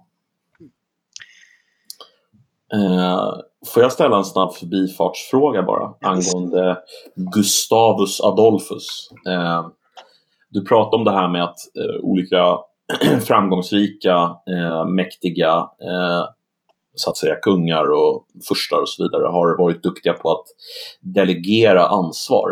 Eh, men i det här fallet så verkar det som att Gustav den andra Adolf, hans, hans framgång var hans militära geni. Har jag förstått det korrekt eller? Nej, jag skulle inte säga det. Alltså, man ska inte glömma att eh, han tar väldigt bra vara på Axel Oxenstierna och hans talang. Mm. Mm. Och sätter honom på att sköta mycket av administrativa i, hemma i Sverige. Mm. Eh, och där är han ju uppenbart att han märker att Axel Oxenstierna som är högadelsman som vill utöka adelns makt, som inte tycker om kungamakten egentligen, men är en väldigt kompetent administratör och byråkrat. Så att eh, Gustav II Adolf ser inte honom som ett hot utan snarare som en tillgång. Mm. Eh, och det är, som jag återkommer till där, att eh, förmågan att veta vad man är bra på och vad andra är bättre på. Och Mm. eh, utse folk och hålla dem nära sig som är bra på det. Eh, är ju en Mm, precis. väldigt starkt drag av bra ledare. Hos bra ledare Mm. tycker jag. Han uppfostrar även en hel kader av befälhavare under sig. Det var ju Baner och Torstensson och eh, Königsmark och eh, Wrangel och sådär som är, när han väl dör, tar över och sköter kriget väldigt exemplariskt. Men Så inte var han bara- själv en militär, militär, alltså en stor militär ledare liksom? Eller var han bara Det- det- väldigt duktig på att delegera även där? Jag tror det är en kombination. Eh, Okej. alltså, vad ska jag säga så här att eh, en s- riktigt bra ledare, du kan ju vara extremt skicklig ledare, men om allting kollapsar när du försvinner, då har du inte lyckats Mm. bygga upp någonting som kan överleva dig själv. Nej. Den- armé och den organisation och det generalskap som Gustav II Adolf byggde upp tuffade ju bara vidare. Alltså det var i princip ingen problem alls att han dog. Det var ju någon som tog över Nej. så fortsatte man kriga. Och det är också, tycker jag, ett tecken på en stor ledare att de kan göra det. De inte har det här egot att ingen får så mycket makt eller att, eh, att ingen kan komma åt mig. Så Nej, där, utan istället utbildar han tar emot. Och mycket av de här reformerna kom ju från en del andra. Till exempel var det Lennart Torstensson som sen blev fältmarskalk och välkänd som Giktmannen. Eh, Han drog ut i fält antingen surrad till sin häst eller på bår. För han hade så Mm, fruktansvärt okej. gikt. Oftast på bår. Men ändå en väldigt framgångsrik befälhavare. Eh, och det var han som låg bakom artilleriet väldigt mycket. Det var han som var Okej. sådär.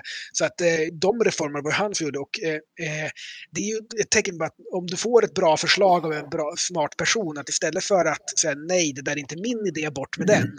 Så där, det, är bra, det gör vi. Exakt. Så att, eh, jag skulle säga så, som taktiker på slagfältet var han utmärkt, men inte ett geni som till exempel Skanderbeg var. Eh, Okej. men organisatoriskt ska jag säga han är en av de bästa någonsin. Alban va? Ja, stämmer bra. Skanderbeg. Höll borta hela Ottomanska riket ganska länge. Ja, och det säger en del. Okej. Det ser väldigt Ja, det säger rätt mycket. Ja. Eh, så att, eh, ja, jag tycker han är... Jag vet inte, har jag tagit det förut? Jag brukar ha fyra stycken kriterier på vad som är en stor Kör ledare. tror inte du. Precis. Det är eh, då taktisk förmåga. Kan man vinna slag? Eh, det är Mm. organisatorisk förmåga. Kan man sätta upp arméer, organisera samhället och så vidare så att få resurserna och sådär. Men även där att kunna bygga upp någonting som överlever ens död. Mm. Eh, och så sen har du strategisk förmåga, för det räcker ju inte bara att vinna slag. Du måste också så tänka på den stora bilden och kan du fortsätta kriget eh, kan du ta det som gör att fienden faktiskt förlorar, det inte kan komma igen. Mm. Och så sen har du diplomatisk eller politisk förmåga. Och här är dels det här att bygga upp något som varar länge men också kunna arbeta med dina allierade, skaffa allierade, eh, försöka skilja fienderna åt, söndra och härska och så vidare. Mm. Och eh, ibland liksom får jag frågor sådär att den här generalen, hur var Manstein mot Eisenhower till exempel? Att Manstein var en superb taktiker. Han var ingen bra politiker. Han var inte en jättebra organisatör, han var en bra strateg. Eisenhower var en bra politiker, en bra organisatör, en bra strateg, men ingen bra taktiker. Så sätter du dem med varsin division och slåss i Frankrike 1944, då vinner Manstein. Men Eisenhower var en superb armébefälhavare och armégruppsbefälhavare. För han Okej. hade den här tjänst, finkänsligheten att kunna få Egon från Montgomery och Patton att jobba ihop och hantera politikerna i Washington och London och så vidare och så vidare och så vidare. Mm, precis. Vilket också visar sig att han blev en ganska bra president sen efteråt. Ja. Ja. Mm. Förstår vad du säger. Så att de är på olika nivåer. Men det är ganska sällan man stöter på ledare som har bra förmåga inom alla fyra områden. Typ Caesar. Ja, nej, Caesar var inte så bra politiker. Så han blev ju mördad. Ja, i och för sig. Ja. Det har du ju rätt Precis. i. Däremot Augustus, Octavian, hans adoptivson, var bra på alla områdena. Även på att, eh, som taktiker i en strid. Ja, han var inte, han var inte dålig. Han hade Ah, okej. folk som är eh, lojala människor som var mycket bättre än honom själv, så han lät dem göra det. Men han var inte Men han var jättedålig. ingen... Nej, jag fattar, jag fattar. Men det är också att, att vara, veta att du är inte lika bra som någon annan och låta någon annan sköta det, är också att ha förmåga på det området. Mm, ja, du vet ju inte att andra är bättre på taktik om du inte är hyfsad på det. Nej. Eh, och sen Suleiman, laggivaren, Osmanska riket.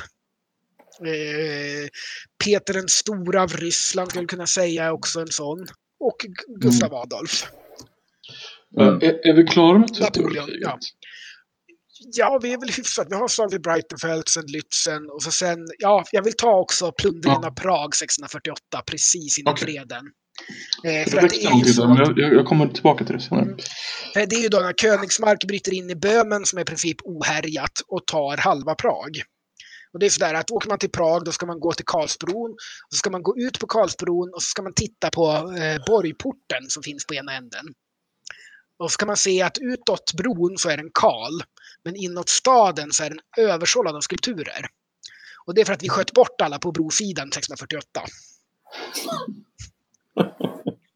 När vi försökte ta oss över då från borgdelen av stan till andra delen av stan, men vi blev hejdade där. Bland annat för att Prags judiska eh, sällskap beväpnade sig och hjälpte till i försvaret. Jaha. Intressant. För de ville inte heller bli plundrade. Men eh, det, vi tog ju Prags slott och där hade ju kejsar Rudolf den andre eh, som eh, gissningsvis hade så här hoarding syndrome. För han hade samlat på sig enorma mängder konstiga saker där. Och skillnaden mellan honom och en hoarder var att han hade råd att ha folk som sorterade och kurerade alltihop han skaffade sig. Och stoppade in det i Prags slott. Så att eh, allting fint och kulturellt vi har i Sverige kommer ju från Prag 1648 och Warszawa 1655. Allt, allt. Ja, i princip allt. Ja, men Silverbibeln, Prag 1648. Vår silverbibel. Ja, Vår precis. silverbibel, vill jag påpeka. Då och då så hör ju tjecker av sig och tycker att vi borde återlämna den där. Då kan, då, och då kan man påpeka att ja, fast det var en tysk, österrikisk kejsare som satte den där och han stal den från ett kloster i Tyskland. Där den blev skapad någon gång på 300-400-talet. Ja, så här sköna beefs. Går tillbaka ett par tusen år. Liksom. Vem ska, vem ska man lämna den till då? Exakt. Så att eh, det, jag ville bara lägga till det. Nu är jag öppen för frågor. Jag skulle bara vilja snabbt bara säga då så här, okej, du resonerar så där. Hur resonerar du i relation till eh, eh, Storbritannien och deras, eh, deras eh, kulturarv som de så att säga har belägrat i London? Jag vet inte vad heter museet? National Museum eller sånt där? Där de har liksom alla... Museum, eller? British Museum. Nej, jag, ja, British- British Museum tror jag den heter. Alltså där de har alla de här liksom, jag tror de har Rosetta-stenen där och de har liksom alla de här Precis. sakerna. Hur ser du på där, det? Mm, det där är. Mm. Eh, bland annat så, eh, det var ju en artikel nyligen, jag jobbade ju ett tag på Stockholms stadsmuseum och vi fick ju ständigt brev, bland annat det finns ju polska nationalistiska organisationer som vill få Sverige att återlämna allt det vi snodde i Polen. Mm. Mm. Så de sk- skickar regelbundet brev med och vill få utdrag och redogörelse för vad som finns som är krigsbyte.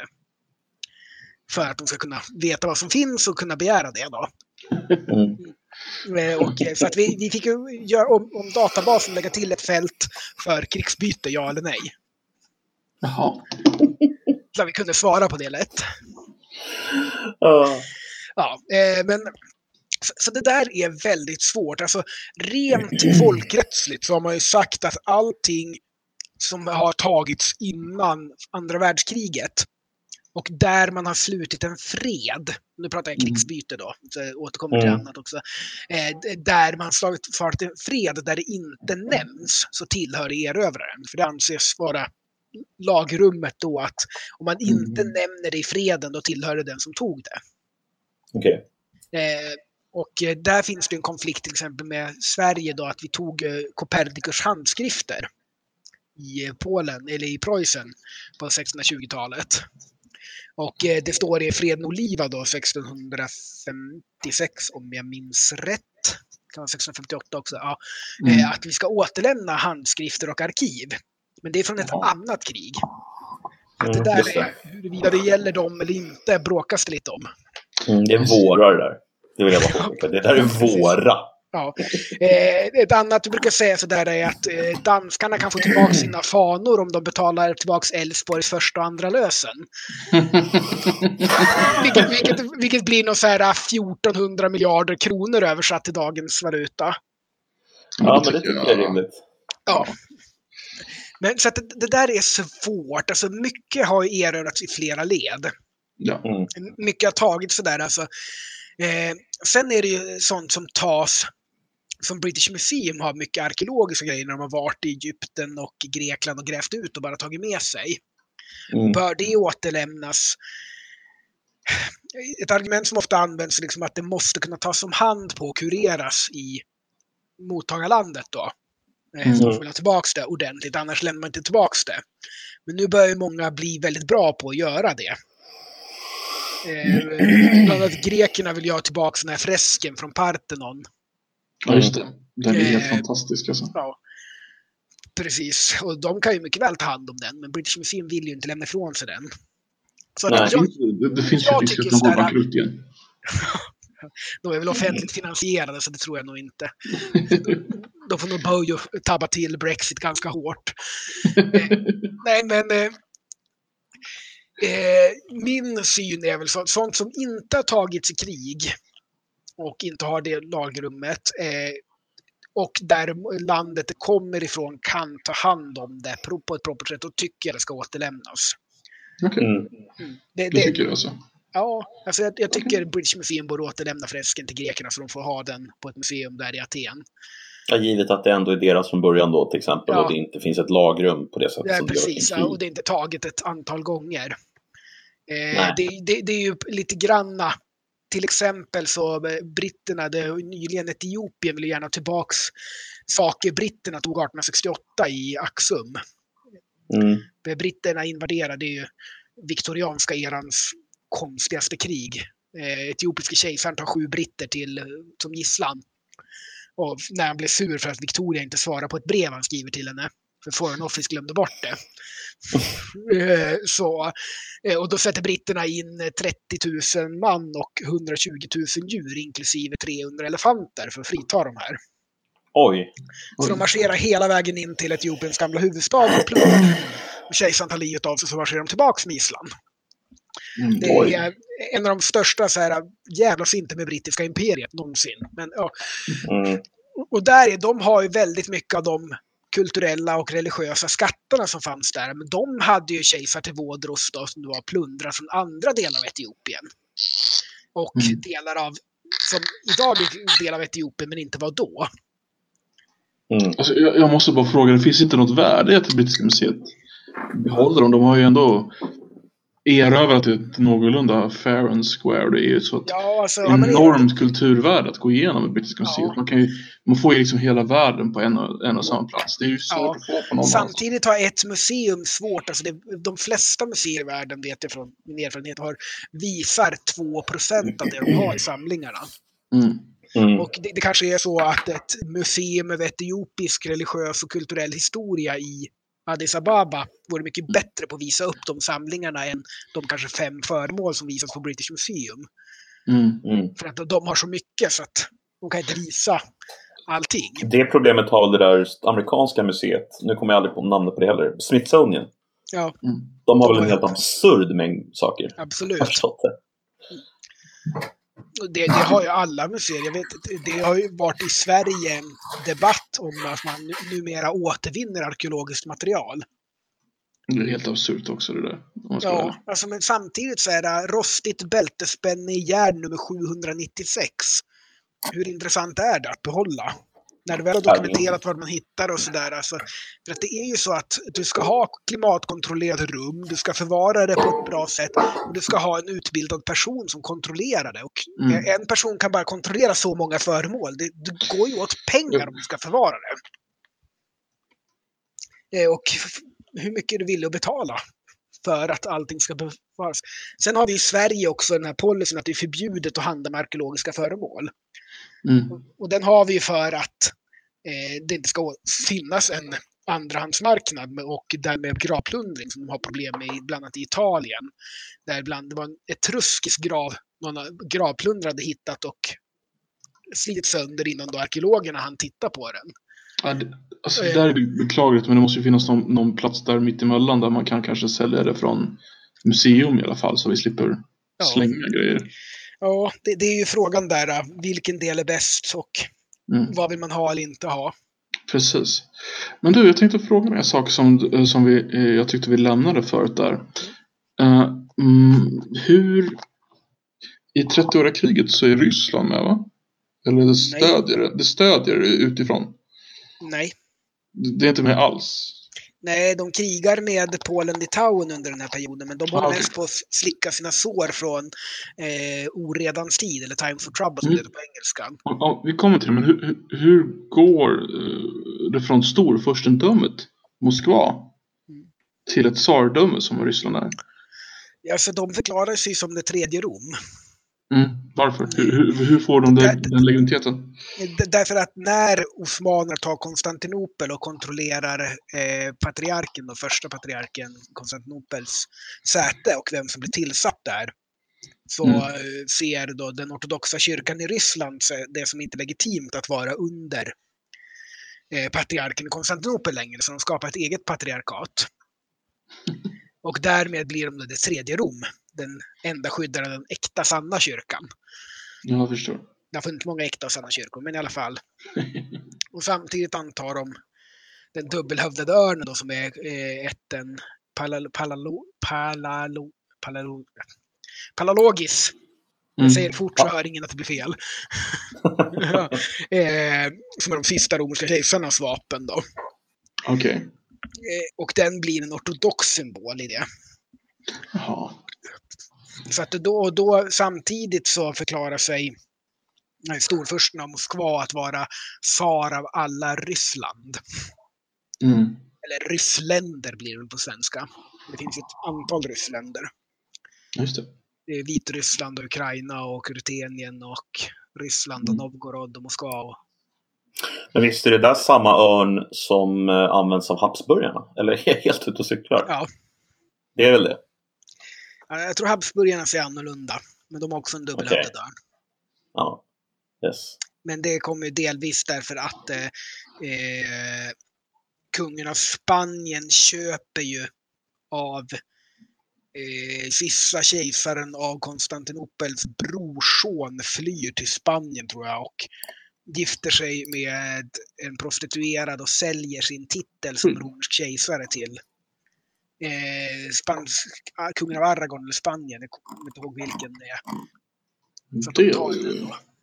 Det är rätt intressant egentligen hur den där, hur den där romerska liksom, eh, erans eh, titel av kejsare nästan går i någon slags arv. Den gör ju inte det, men alltså man vill hämta legitimitet den vägen. Oh ja, Liksom oh ja. 14-1500 år senare. Det, det är fascinerande.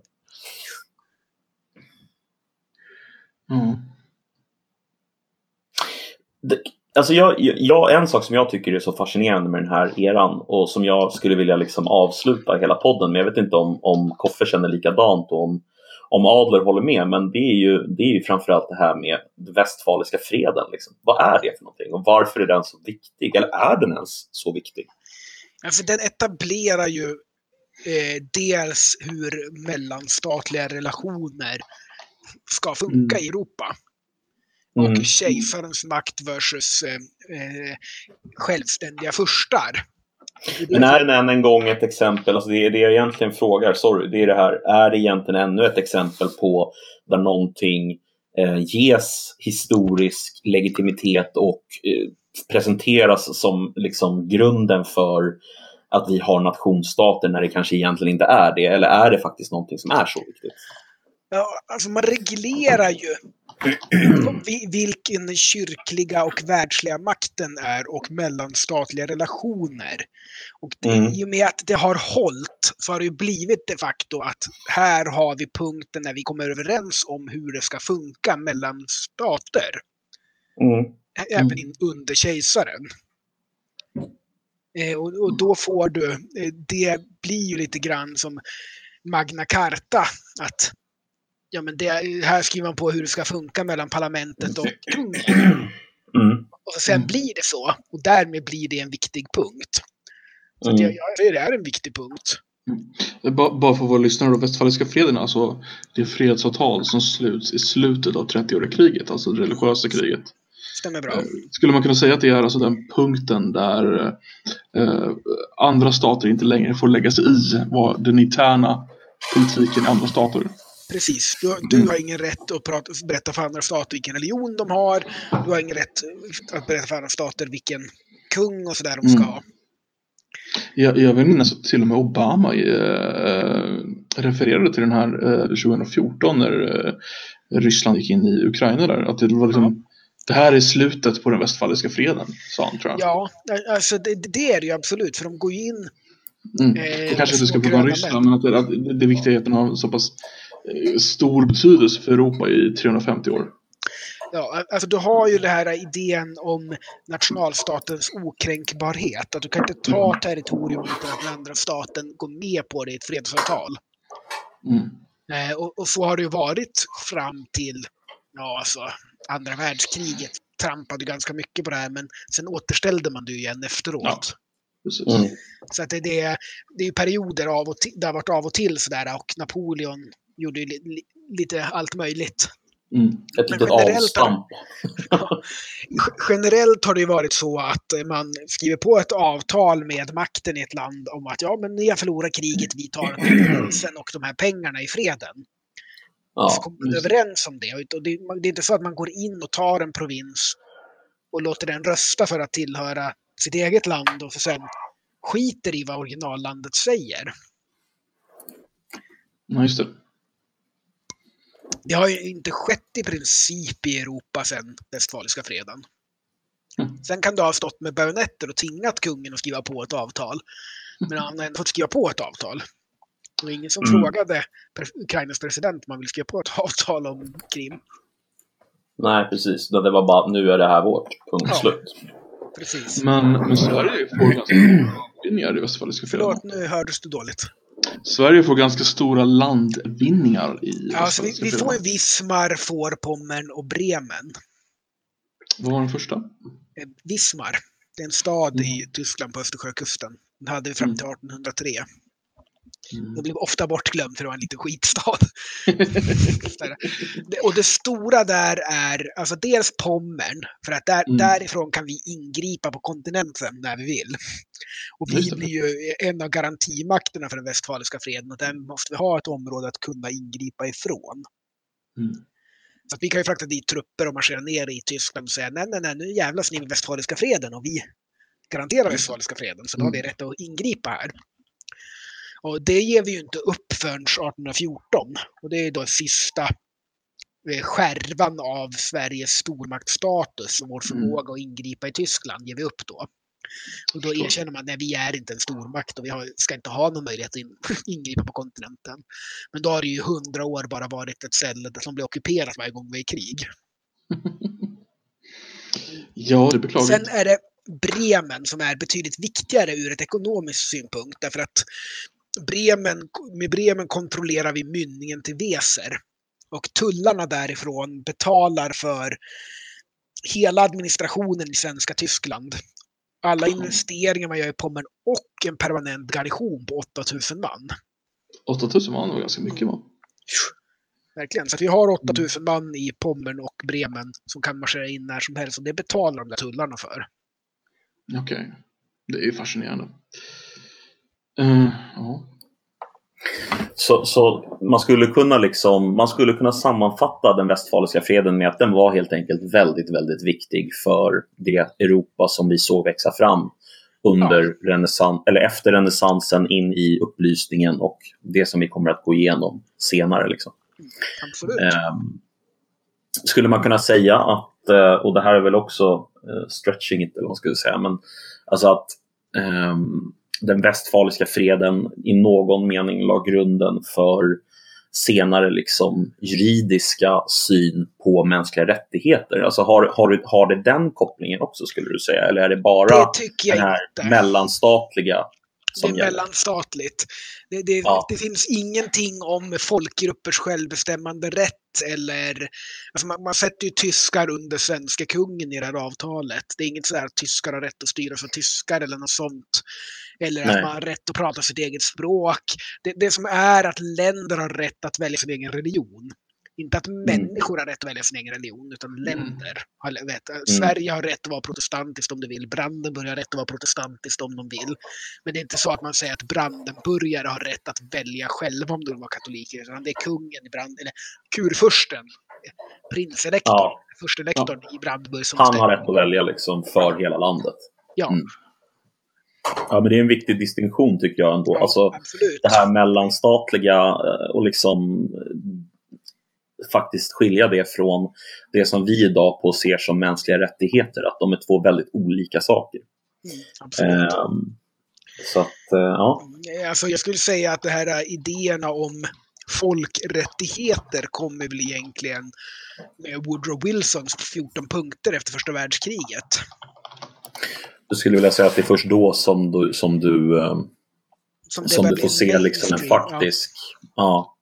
Men du har väl utveckling också under 1800-talet? Alltså, eh, Alltså, du har ju under upplysningen och sådär att eh, när man avskaffar mycket av tortyr och av sådär att du börjar få eh, accepterad syn om likhet inför lagen, du börjar få en accepterad syn om personlig religionsfrihet, du börjar få en accepterad mm, syn om äganderätt och om eh, medborgerliga rättigheter och inte bara medborgerliga plikter mm, Eh, och eh, en del annat som kommer under upplysningen då, men det är eh, fortfarande så att väldigt stora delar av världen så är eh, etniska rättigheter eller folkgruppsrättigheter inte Mm. sedda på alls samma vis. Utan många av de här idéerna kommer i Frankrike där man samtidigt bestämmer sig att det finns bara ett språk i Frankrike, det är franska.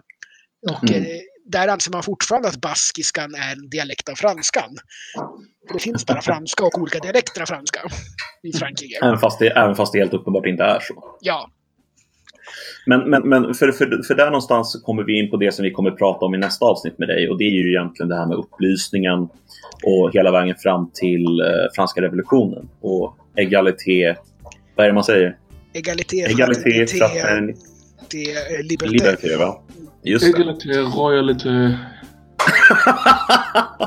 Diska är alltså. Jävla monarkist. Fy Jag har fan. haft det som Royalist. status i två veckor. Ni, ni, ni vet väl skillnaden mellan monarkist och royalist där?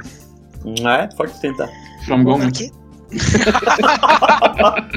Nej, men monarkisten vill faktiskt ha makt för monarken. Royalisten vill bara ha en monark. Ah, okej. Men då är, ju, då är ju faktiskt Koffe monarkist, inte royalist. Eller? Ja, Det verkar inte bättre. Ja, det är bra. Mer makt åt Mer makt åt 16. Gustav. Gurra 16. G-gurra. Ja, fan det kan ju inte bli värre. Nej, faktiskt inte. Jag vet inte, ska vi vända blad eller? Det blir mycket bladvändande med den makten. Mm, faktiskt. Bra referens. Um, jag tror vi börjar bli klara där va? Eller är det någonting Mm. du verkligen vill att vi tar upp som vi missat? Nej, jag tycker det har gått ganska bra. Mm, vad skönt. Nej men eh, då, då avslutar vi där och så ser vi till så att vi, eh, vi träffas Nu- igen. Nu blir det ett litet avbrott här tills vi träffas nästa gång men, men vi återkommer med Adler. Eh, när, när var det vi sa Koffe? Ehm, ja, nu- är det ju så att om två veckor så kommer vi ha ett specialavsnitt med Kepan om konspirationsteorier. Så vi, vi siktar på två veckor efter det att ha en intervju med Von Adler och så ser vi när det släpper helt enkelt. Mm. Det låter jättebra. Och då är det alltså åren 1648 till 1789 som gäller. Så passa på att få in era frågor om dessa i eh, discorden eller i mailen eller i voicen. Superutmärkt. Det där, hörde, där hörde jag att det var någon som öppnade en fantastisk flaska med någonting gott i. Eh, Dalwini 15-årig. Ja, Oj, oj, oj. Måste fira att rösten höll hela vägen trots förkylningen. ja, stort tack för att du ställde upp. Ja, tackar vi för. Ja, tack. Vi hörs. Vi. ha det gött. Ha det bra. Hej. Hej.